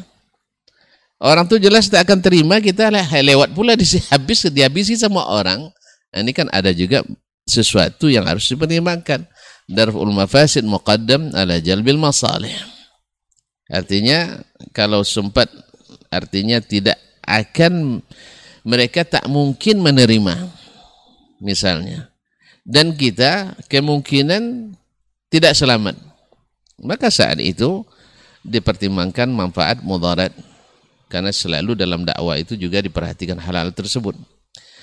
Adapun hal-hal yang sifatnya minal kamaliyat, sesuatu yang sifatnya sunat dan sebagainya, apakah boleh disampaikan atau tidak? Wallahu taala alam. Kalau menyampaikan itu mesti karena ilmu hukum asalnya wajib disampaikan. Adapun kita belum mengamalkan itu bab lain. Misalnya seperti yang disebutkan oleh Imam uh, Ibnu Abi Ya'la atau Imam Ibnu Al-Hambali menyebutkan dari Imam Ahmad bahwa beliau ketika di Baghdad tidak melaksanakan solat sunat sebelum maghrib. Tidak melaksanakan solat sunat sebelum maghrib. Dengan alasan li'anna nas la ya'rifun. Karena masyarakat belum mengenalnya. Belum mengenalnya. Nah Imam Ahmad tidak mungkin melaksanakan sendiri. Pasalnya apa? Mungkin akan dilihat ganjil oleh orang. Tapi apakah ketika dia masuk masjid tak salat tahiyatul masjid? Ya salat tahiyatul masjid. Tapi dia tidak me mengisytiharkan salat sunat sebelum maghrib. Tapi kan niat juga tidak disampaikan kan? Jadi sengaja dia katakan karena orang Baghdad belum mengenal sunnah ini. Tapi apakah beliau tidak menyampaikan? Tidak. Beliau menyampaikan. Buktinya hadisnya ada dalam musnad. Musnad ini kan dibacakan kepada halayak ramai. Di antara yang hadir, majelis beliau kan hadir 35 ribu orang sekali hadir. Bayangkan, yang membawa catatan hanya sepertiganya, dua per tiga melihat adab Imam Ahmad. Berarti disampaikan tidak? Disampaikan. Disampaikan hadis, disampaikan. Tidak disembunyikan. Cuman di saat di masjid itu orang azan langsung komat gimana kita nak sholat? Jelas ya? Sekarang kita sholat di eh, apa namanya sholat maghrib di masjid yang azannya langsung komat. Tidak mungkin kita bilang tunggu dulu saya nak sholat. Tidak mungkin. Ini maknanya mengamalkan boleh diundur dulu. Masalahnya sunat. Tapi apakah tidak disampaikan? Tidak. Sebab apa? Sebab kalau tidak disampaikan, kita dikhawatirkan menyembunyikan ilmu. Nah, kapan disampaikan? Di saat dibutuhkan atau di saat dimudahkan. Tentu saja dengan bahasa yang yang dipilih. Saya pernah menyampaikan ini dalam bahasa proposal, Ustaz. Mohon maaf ya karena waktu itu saya datang dari Pekanbaru. Awak pas sampai orang azan maghrib. Pas azan tentu kita nak dapat fadilat menjauh azan. Lepas azan baru kita nak bersuci dulu dua jam dari Pekanbaru kan nak harus masuk toilet dulu. Pas masuk toilet Orang komat. Akhirnya tinggal rakaat terakhir. Sudahlah komatnya cepat, ayatnya pun singkat. Akhirnya tinggal satu rakaat dapat. Akhirnya saya rubah judul. Mohon maaf Bapak dan Ibu pada malam hari ini sebenarnya judulnya siapkan tentang masalah ini. Cuman karena saya hari ini terus terang saya dizalimi sebenarnya. Dalam bahasa apa namanya bahasa gurauan saya saya dizalimi. Tadi saya datang pas azan. Saya kira tidak, saya kira saya tidak terlambat. Tapi karena perjalanan jauh, ya jalan tidak bagus, akhirnya perut ini diguncang-guncang harus ke toilet dulu. Ternyata tuan-tuan langsung kaman. Oleh sebab itu mohon izin. Nah, gitu ya, mohon izin saya nak nyampaikan proposal. Kalau proposalnya diterima, saya akan bersyukur, berterima kasih. Tapi kalau tidak, maklum yang namanya proposal tidak langsung diterima. Tapi akan saya ajukan lagi barangkali ada syarat-syarat yang belum terpenuhi saat ini. Alhamdulillah saya bahas tentang fadilat. Pertama hadisnya ada lima hadis lebih kurang tentang masalah ini. Di antaranya adalah Sahih Bukhari, ada Sunan Abi Dawud dan sebagainya dan Musnad Imam Ahmad. Sampaikan dengan fadilat-fadilatnya. Ya. Lalu selesai ceramah, alhamdulillah pekan depan, eh, bulan depan masih diundang berarti tidak ada masalah kan? Saya tengok belum berubah. Tapi hari kali ini saya tidak terlambat. Alhamdulillah tidak terlambat. Jadi proposal tak masukkan lagi. Saya tunggu bulan ketiga ketika diundang lagi ternyata juga belum. Akhirnya saya minta izin lagi proposal kedua saya ajukan. Saya tambah syaratnya. Saya tambah syaratnya. Mungkin kan merubah kebiasaan lama itu kaum muslimin muslim. Padahal menunggu itu satu sholat kita ada tinggal tadi kan. Yang kedua berdoa antara azan dan qomat kita tinggalkan. Bahkan berdoa di pertukaran itu sip malaikat itu kan malaikat pencari siang dan malam itu waktu yang bagus untuk berdoa sebenarnya. Kemudian duduk orang menunggu sholat dihitung sholat. Iya tak? Kemudian diambil didoakan oleh malaikat dan doa mustajab antara azan dan qomat banyak sekali hilang. Ya, gara-gara meninggalkan itu yang kemudian lebih parahnya saudara kita yang baru pulang kerja, yang baru habis olahraga dan sebagainya, karena azan langsung komat, otomatis mereka sudah bilang, ah tidak sempat lagi ke masjid, tidak sempat. Akhirnya duduk buka televisi dulu. Akhirnya sholat terlambat. Coba kalau seandainya kita tunggu, misalnya yang tanggung-tanggung taat itu, ah ke masjid lah dulu kan. Tapi kalau sudah tidak tertunggu, eh percuma aja, nanti aja selepas maghrib selesai mereka baru kita masuk kamar mandi nanti dan seterusnya. Oleh itu, makanya saya tunjukkan. Alhamdulillah di bulan keempat berubah. Dan sampai hari ini dilaksanakan. Tidak ada, tak menimbulkan apa-apa. Alhamdulillah. Nah kalau ada yang mengklaim menimbulkan perpecahan umat, sebenarnya mungkin cara menyampaikannya belum pas, atau memang penot apa namanya tingkat penolakan masyarakatnya memang super tinggi dan yang ketiga mungkin ada dicongkel-congkel diprovokasi oleh sebagian sebagian yang mungkin masih kurang bertakwa kepada Allah SWT. Tapi kalau seandainya masalahnya tenang-tenang saja dengan ilmu, dengan hikmah, dan juga dengan bahasa seperti tadi memohon, kita kan proposal sifatnya. Kan tidak ada masalah, kita katakan saya mengajukan proposal. Mohon maaf dan terima kasih. Wassalamualaikum warahmatullahi wabarakatuh. Waalaikumsalam warahmatullahi wabarakatuh. Taib, jazakallah khairan Ustaz untuk penyempurnaan jawabannya. Mudah-mudahan untuk antum yang bertanya bisa dipahami. Kita ke satu pertanyaan lagi Ustaz. Assalamualaikum warahmatullahi wabarakatuh Ustaz. Dari Abu Syamil di seputaran Kubang Raya. Ustaz, masih senada dengan pertanyaan Akhi Anna tadi. Eh, bagaimana dengan seorang pendakwah yang menyampaikan memang hal yang berbeda dan itu sangat berbeda sekali dengan keumuman ulama ataupun keumuman masyarakat Islam bahkan sedunia Ustaz yang mengatakan bahwa Nabi Adam bukan Nabi pertama tapi yang pertama itu adalah Nur Muhammad. Ini mohon klarifikasi Ustaz. Dan apa nasihat Ustaz? Taib. Fadal Ustaz. Bismillahirrahmanirrahim. Assalamualaikum warahmatullahi wabarakatuh. Alhamdulillah wassalatu wassalamu ala rasulillah wa ala alihi wa sahbihi wa mawalah amma ba'd uh, pada kesempatan ini pertama mari kita senantiasa ya merasa bahwa dalam pengawasan Allah tabaraka wa taala. Dan nasihat ini tentu untuk diri kami dan seluruh siapa pun para pendakwa para doat yang mengajak kepada Allah tabaraka wa taala agar meluruskan niat dan yang ingin disampaikan itu adalah kalimat kalimat yang membawa kepada kebenaran dan mengajak kepada kebaikan. Ya bukan mengajak kepada sesuatu yang jauh dari kebenaran. Ini yang pertama sekali. Karena siapa pun yang menyampaikan ya maka tidak akan ada dari kalimat yang keluar kecuali akan tercatat di sisi Allah tabaraka wa taala dan siapa pun yang berucap pasti itu terekam rapi dalam catatan Allah dan itu akan diminta pertanggungjawaban di hadapan Allah Subhanahu wa taala.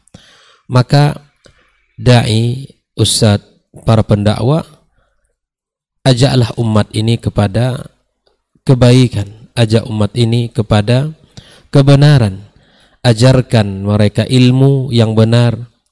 Ajarkan mereka ilmu yang diambil dari sumber yaitu Al-Qur'anul Karim dan hadis-hadis Rasulullah sallallahu alaihi wasallam. Maka ketika kita berpegang teguh kepada kedua ilmu dan sumber ilmu yang jernih ini, maka insya Allah ya kita akan selamat dunia dan akhirat dan jangan kita menyampaikan sesuatu yang uh, sesuai dengan selera dan keinginan kita. Karena semua itu akan punya konsekuensi punya tanggung jawab konsekuensi di hadapan Allah tabaraka wa taala. Ya orang-orang yang termasuk yang awal-awal nanti dicampakkan Allah ya, ke dalam nerakanya bukanlah orang-orang yang eh, seperti eh, perbuatan melakukan perbuatan dosa besar, bukan. Tapi sadarlah bahwa di antara orang-orang yang akan pertama kali dicampakkan Allah di dalam nerakanya di antaranya mereka adalah ya, ahli ilmu yang dengan ilmunya itu dia ya dikatakan bukan untuk ya mengajak bukan untuk Allah tabaraka wa taala. Tapi kemudian ada maslahat dan niat serta tujuan ya yang lain. Sehingga dia dikatakan alim dikatakan e, begini dan begitu maka sadarilah setiap insan para asatis para duat yang mengajak kepada Allah bahwa tidak ada satu kalimat pun yang keluar dari lisan kita kecuali tercatat di sisi Allah dengan rapi. Bahkan tanpa sadar dalam sebuah hadis diucapkan oleh Nabi kita sallallahu alaihi wasallam setiap orang yang berkata tanpa ia sadari bahwa kalimat itu ternyata akan meng, ya membawa dia menjerumuskan dia ke dalam neraka Allah taala. Nah, jangan sampai ya eh, kalimat-kalimat tadi menjadi sebab kita dimasukkan Allah Subhanahu wa taala ke dalam nerakanya. Ajaklah umat ini sekali lagi kepada kebenaran, bukan kepada pembodohan, bukan kepada penyimpangan, tapi ajaklah kepada ya ilmu yang membuahkan amal. Ilmu yang membuahkan amal. Ya memang kalau ibarat bahasa pepatah kita ya. Kalau salah mengambil sumber dan mengambil uh, referensi maka memang akan salah di dalam buah. Ya. Kalau salah bibit yang kita tanam, ya, maka tidak akan membuahkan hasil yang baik. Okay. Bibitnya tidak baik, tumbuh di tempat yang tidak subur pula. Siang sang petani tidak merawatnya pula, tidak diberikan pupuk, maka kemudian apa yang diharapkan? Jadi kaum muslimin rahimakumullah cerdaslah kita di dalam memilih dan cerdaslah kita di dalam ya, melihat ya mana ya, ajakan untuk uh, membawa kepada keselamatan dunia dan akhirat dan mana ya hanya sekedar ya uh, penguat daripada eh, wacana dan keilmuan saja. Sesungguhnya buah daripada ilmu itu adalah al-amal ya yang dituntut bagi kita adalah ilmu itu menghasilkan amal kita. Ikhwani kaum muslimin rahimakumullah. Jadi eh, kalau ada sesuatu yang disampaikan ya, sesuatu yang disampaikan maka segera kalau ragu di dalam hati kita maka segeralah kita untuk bertanya kepada kepada yang mumpuni dan kemudian kepada orang-orang yang eh, thiqah kita dari sisi keilmuannya. Ya, kalau seandainya hal-hal yang aneh kemudian e, disampaikan maka perlu kita e, teliti dan kemudian kita memohon kepada Allah e, penjagaan dan perlindungan e, diri kita dan anak keturunan kita. Ya semoga Allah Subhanahu wa taala ya memberikan kepada kita ilmu yang bermanfaat. E, terakhir dalam bab ilmu ya ada dua sisi yang mesti kita ketahui. Sisi pertama Nabi Shallallahu Alaihi Wasallam ia meminta ilmu yang bermanfaat. Allahumma inni as'aluka ilman nafi'an. Tapi di sisi lain, Nabi juga mengajari kita agar kita terjaga, dan terhindar dari ilmu yang tidak bermanfaat. Ya. Ini juga hal yang pasti kita perlu kita perhatikan. Jadi eh, kita minta kepada Allah itu ilmu yang bermanfaat ilmu yang bermanfaat yang yang pada akhirnya ilmu itu bisa kita amalkan dalam kehidupan kita dan juga kita berlindung kepada Allah dari ilmu yang tidak bermanfaat. Nah, ilmu yang tidak bermanfaat, yang tidak membuahkan hasil bahkan membuat hati kita kering, membuat hati kita rasa, eh, tentu ini perlu kita ya berlindung kepada Allah tabaraka wa taala.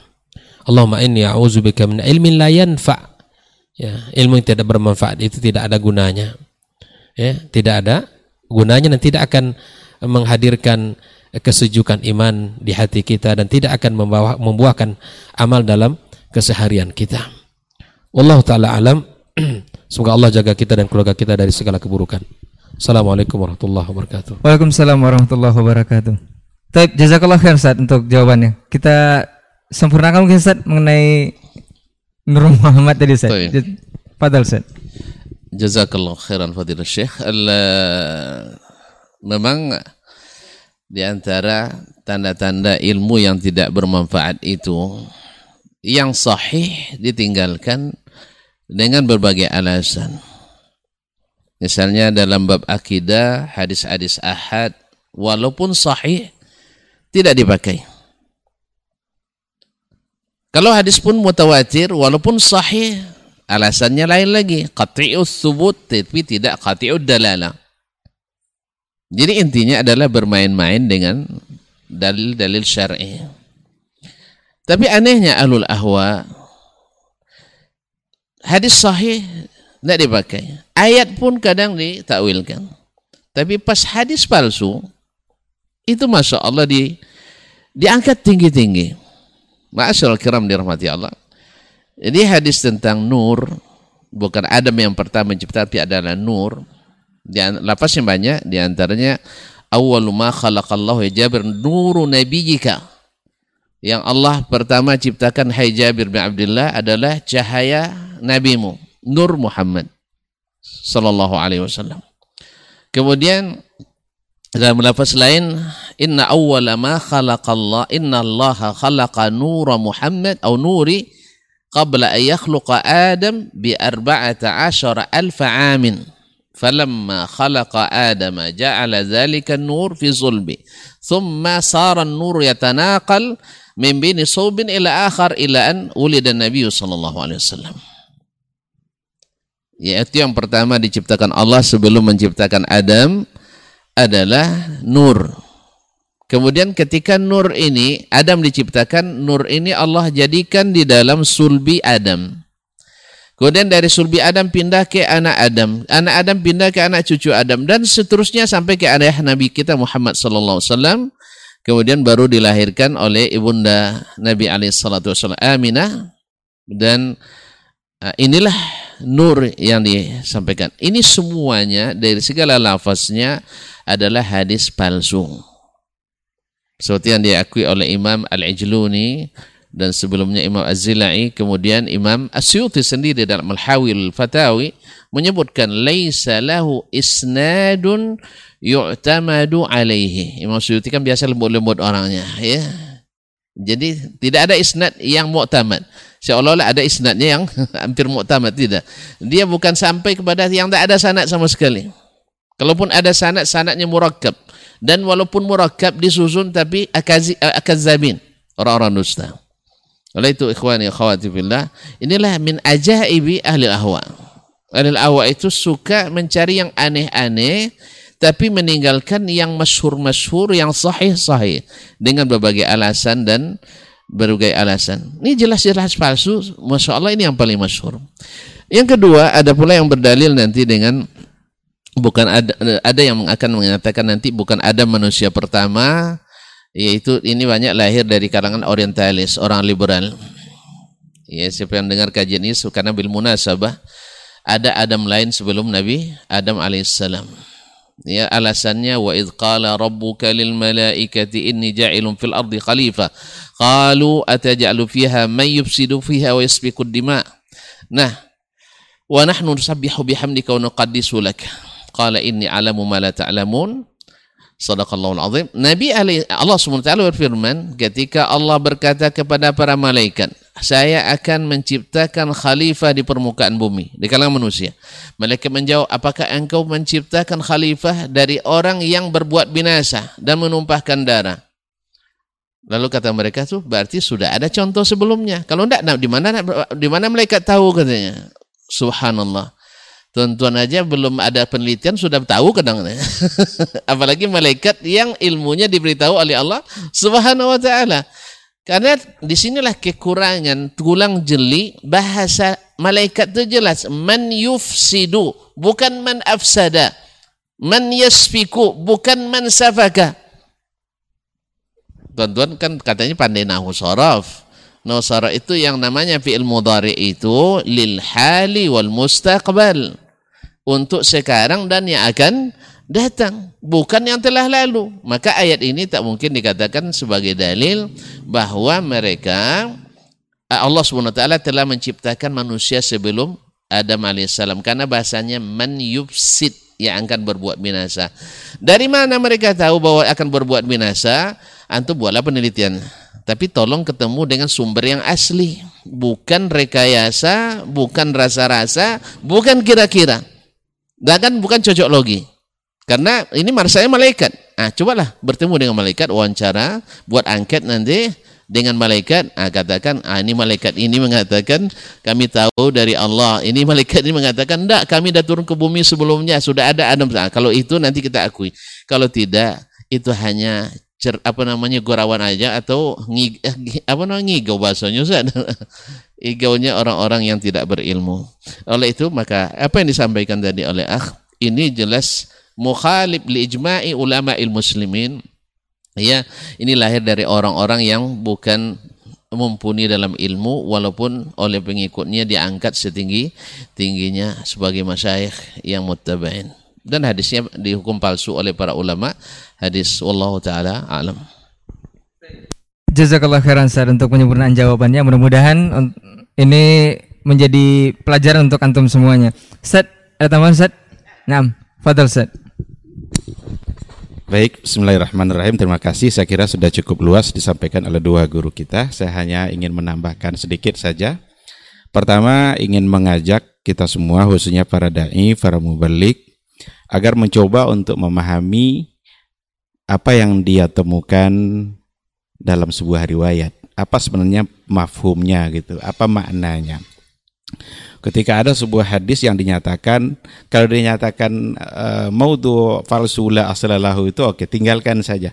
Tapi ketika dinyatakan sebagai sebuah hadis yang memang ada yang mensohekan atau menyatakan sohe, maka kita perlu untuk melihat, membaca apa yang dipahami oleh para ulama dari hadis itu. Maka dari yang ditanyakan tadi itu seputar eh, Nabi Muhammad sudah menjadi nabi sebelum Nabi Adam, itu ada banyak riwayat, tetapi kebanyakan para ulama menghukumkannya dengan la aslalahu. Tidak ada asal itu Ustaz, Ustaz ya. Cuma ada memang satu riwayat yang yang dihukumkan sebagai riwayat yang sahih dapat dipertanggungjawabkan. Yang yang yang mana Nabi ditanya ya Rasulullah mata kutibat lakan nubuah gitu Ustaz ya.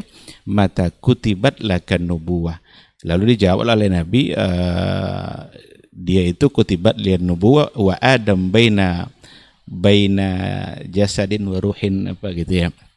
Adam itu masih saja dalam antara jasad dan ruhnya belum di belum ditiupkan ruhnya. Nah, ketika ada riwayat seperti ini yang diakui atau dianggap di, dihukumkan sebagai hadis yang sahih, perlu kita lihat bagaimana pemahamannya oleh para ulama. Maka kebanyakan para ulama mengatakan kutibat di situ uh, bimana sabatat atau wajabat. Jadi kenabian Nabi itu dalam ilmunya Allah yang azali itu itu sudah ada jauh sebelumnya. Bahkan Adam pun belum di belum diciptakan. Itu menandakan bahwa ilmu Allah itu sudah tahu dia apa yang akan yang akan terjadi. Maka itu maksudnya. Sama seperti ketika ada bayi yang mau dilahirkan, ditiupkanlah ruhnya, lalu dicatat oleh malaikat, diberikan ketentuan-ketentuan bagi dia rezekinya berapa, umurnya sampai kapan. Padahal dia belum di belum dilahirkan. Baru dalam rahim ibu. E, maka kutibat lakan nubuah itu bukan berarti dia sudah diangkat menjadi nabi padahal Adam belum lahir. Ah, makna inilah yang perlu kita ambil dari pemahaman yang benar. Bagaimana para ulama memahaminya secara benar itu yang kita pakai dan jangan pula kita mengartikannya sesuai dengan yang kita inginkan atau sesuai dengan apa yang selama ini sudah menjadi pengetahuan kita. Maka itu akan menjadi sebuah kesalahan. Maka para ulama uh, halus sunnah itu memaknainya sabatat wa wajabat. Tidak ada satupun mereka yang memaknai bahwa dia itu sudah diangkat menjadi nabi padahal Adam saja belum di belum ditiupkan uh, ruhnya. Dan itu tidak mungkin gitu. Sangat tidak mungkin sekali karena Iya, karena pengangkatan Nabi di umur 40 dia diangkat sebagai menjadi rasul, apa artinya? Kalau dia sebelumnya sudah diangkat menjadi menjadi nabi. Maka memahami hadis seperti ini, inilah yang perlu kita kembalikan kepada pemahaman para ulama salaf. Jangan ambil sembarang pemahaman gitu. Jangan ambil sesuatu yang tidak tidak punya punya landasan. Sama dengan hadis man ra'ani fil manam uh, fakat ra'ani ada lagi fasayarani fil yaqazah. Tetapi kan ada syakum min rawi ya. Au faka'anna yarani yaqazah. Nah ketika ketika ada syakum min itu saja perlu kita cari hadis penguat. Maka hadis-hadis yang lain justru semua mengarahkan fakat ra'ani itu bukan dan tanpa ada kata ya. Sekarang dipahami oleh para ulama. Seandainya pun ada uh, kata ya kaza itu dipahami lagi baik-baik. Bagaimana maksudnya itu uh, dipahami oleh para ulama seperti apa? Sinilah kita perlunya uh, ulama di dalam memahami sebuah sebuah riwayat. Maka ada yang mengatakan memaknainya bahwa barang siapa yang pernah melihat Nabi, maka nanti di akhirat dia akan melihat dan ketemu langsung dengan Rasul itu iya kalah. Dan kata Syekh uh, Al-Utsaimin di antara maknanya juga dan itu yang boleh kuatkan. Ketika dikatakan ya rani ya kaza itu itu untuk orang yang hidup pada masa Nabi itu hidup. Jadi ada orang bermimpi ketemu Nabi. Nanti satu saat sebelum Rasul wafat dia pasti akan ketemu dengan Nabi. Sallallahu alaihi wasallam. Ada yang memaknainya uh, seperti itu. Tapi kalau diambil yang syaku menerawinya tadi faka'an nama yarani fil yaqadha, ya tidak ada lagi gunanya penafsiran-penafsiran yang tadi. Nah, satu-satunya yang menafsirkan bahwa bisa ketemu Nabi secara langsung saat terbangun hanya orang sufi. Hanya orang sufi. Dan kata Imam Al-Qurtubi, wadzalika mungkar. Itu pemahaman yang mungkar itu kata Imam Al-Qurtubi. Jadi Ahlussunnah, salaful ummah itu tidak ada satupun yang yang meyakini bahwa mungkin ketemu dengan Rasul itu pada saat saat terbangun. Nah, jadi Sekali lagi perlu memang bagaimana kita mengembalikan pemahaman sebuah hadis kepada paham yang betul apa dulu yang dipahami oleh ulama-ulama yang memiliki manhaj yang manhaj yang benar. Tinggalkan manhaj yang salah. Baik, jazakallah khairan Ustaz untuk jawabannya. Mudah-mudahan Abu Syamil di seputaran Kubang Raya bisa memahami jawaban ini dan untuk semua kaum muslimin juga menjadi tambahan ilmu dan pencerahan untuk antum semuanya. Dan mudah-mudahan apa yang kita lakukan untuk hari ini di Diktat Dialog Ilmu Islam bersama Ustadz ini kita harapkan menjadi pembuka pintu kebaikan untuk antum semua dan kita semua di sini. Kita cukupkan untuk hari ini Ustadz. Jazakallahu khairan untuk perhatian antum semua dan waktu kita untuk kesempatan hari ini. Afwan untuk semua salah kata dan kila bicara. Insya Allah kita ketemu pekan depan dengan tema selanjutnya atau tema yang berbeda. Kita tutup dengan doa kafaratul majlis. Subhanakallahumma wa bihamdika asyhadu an la ilaha illa anta astaghfiruka wa atubu. Assalamualaikum warahmatullahi wabarakatuh.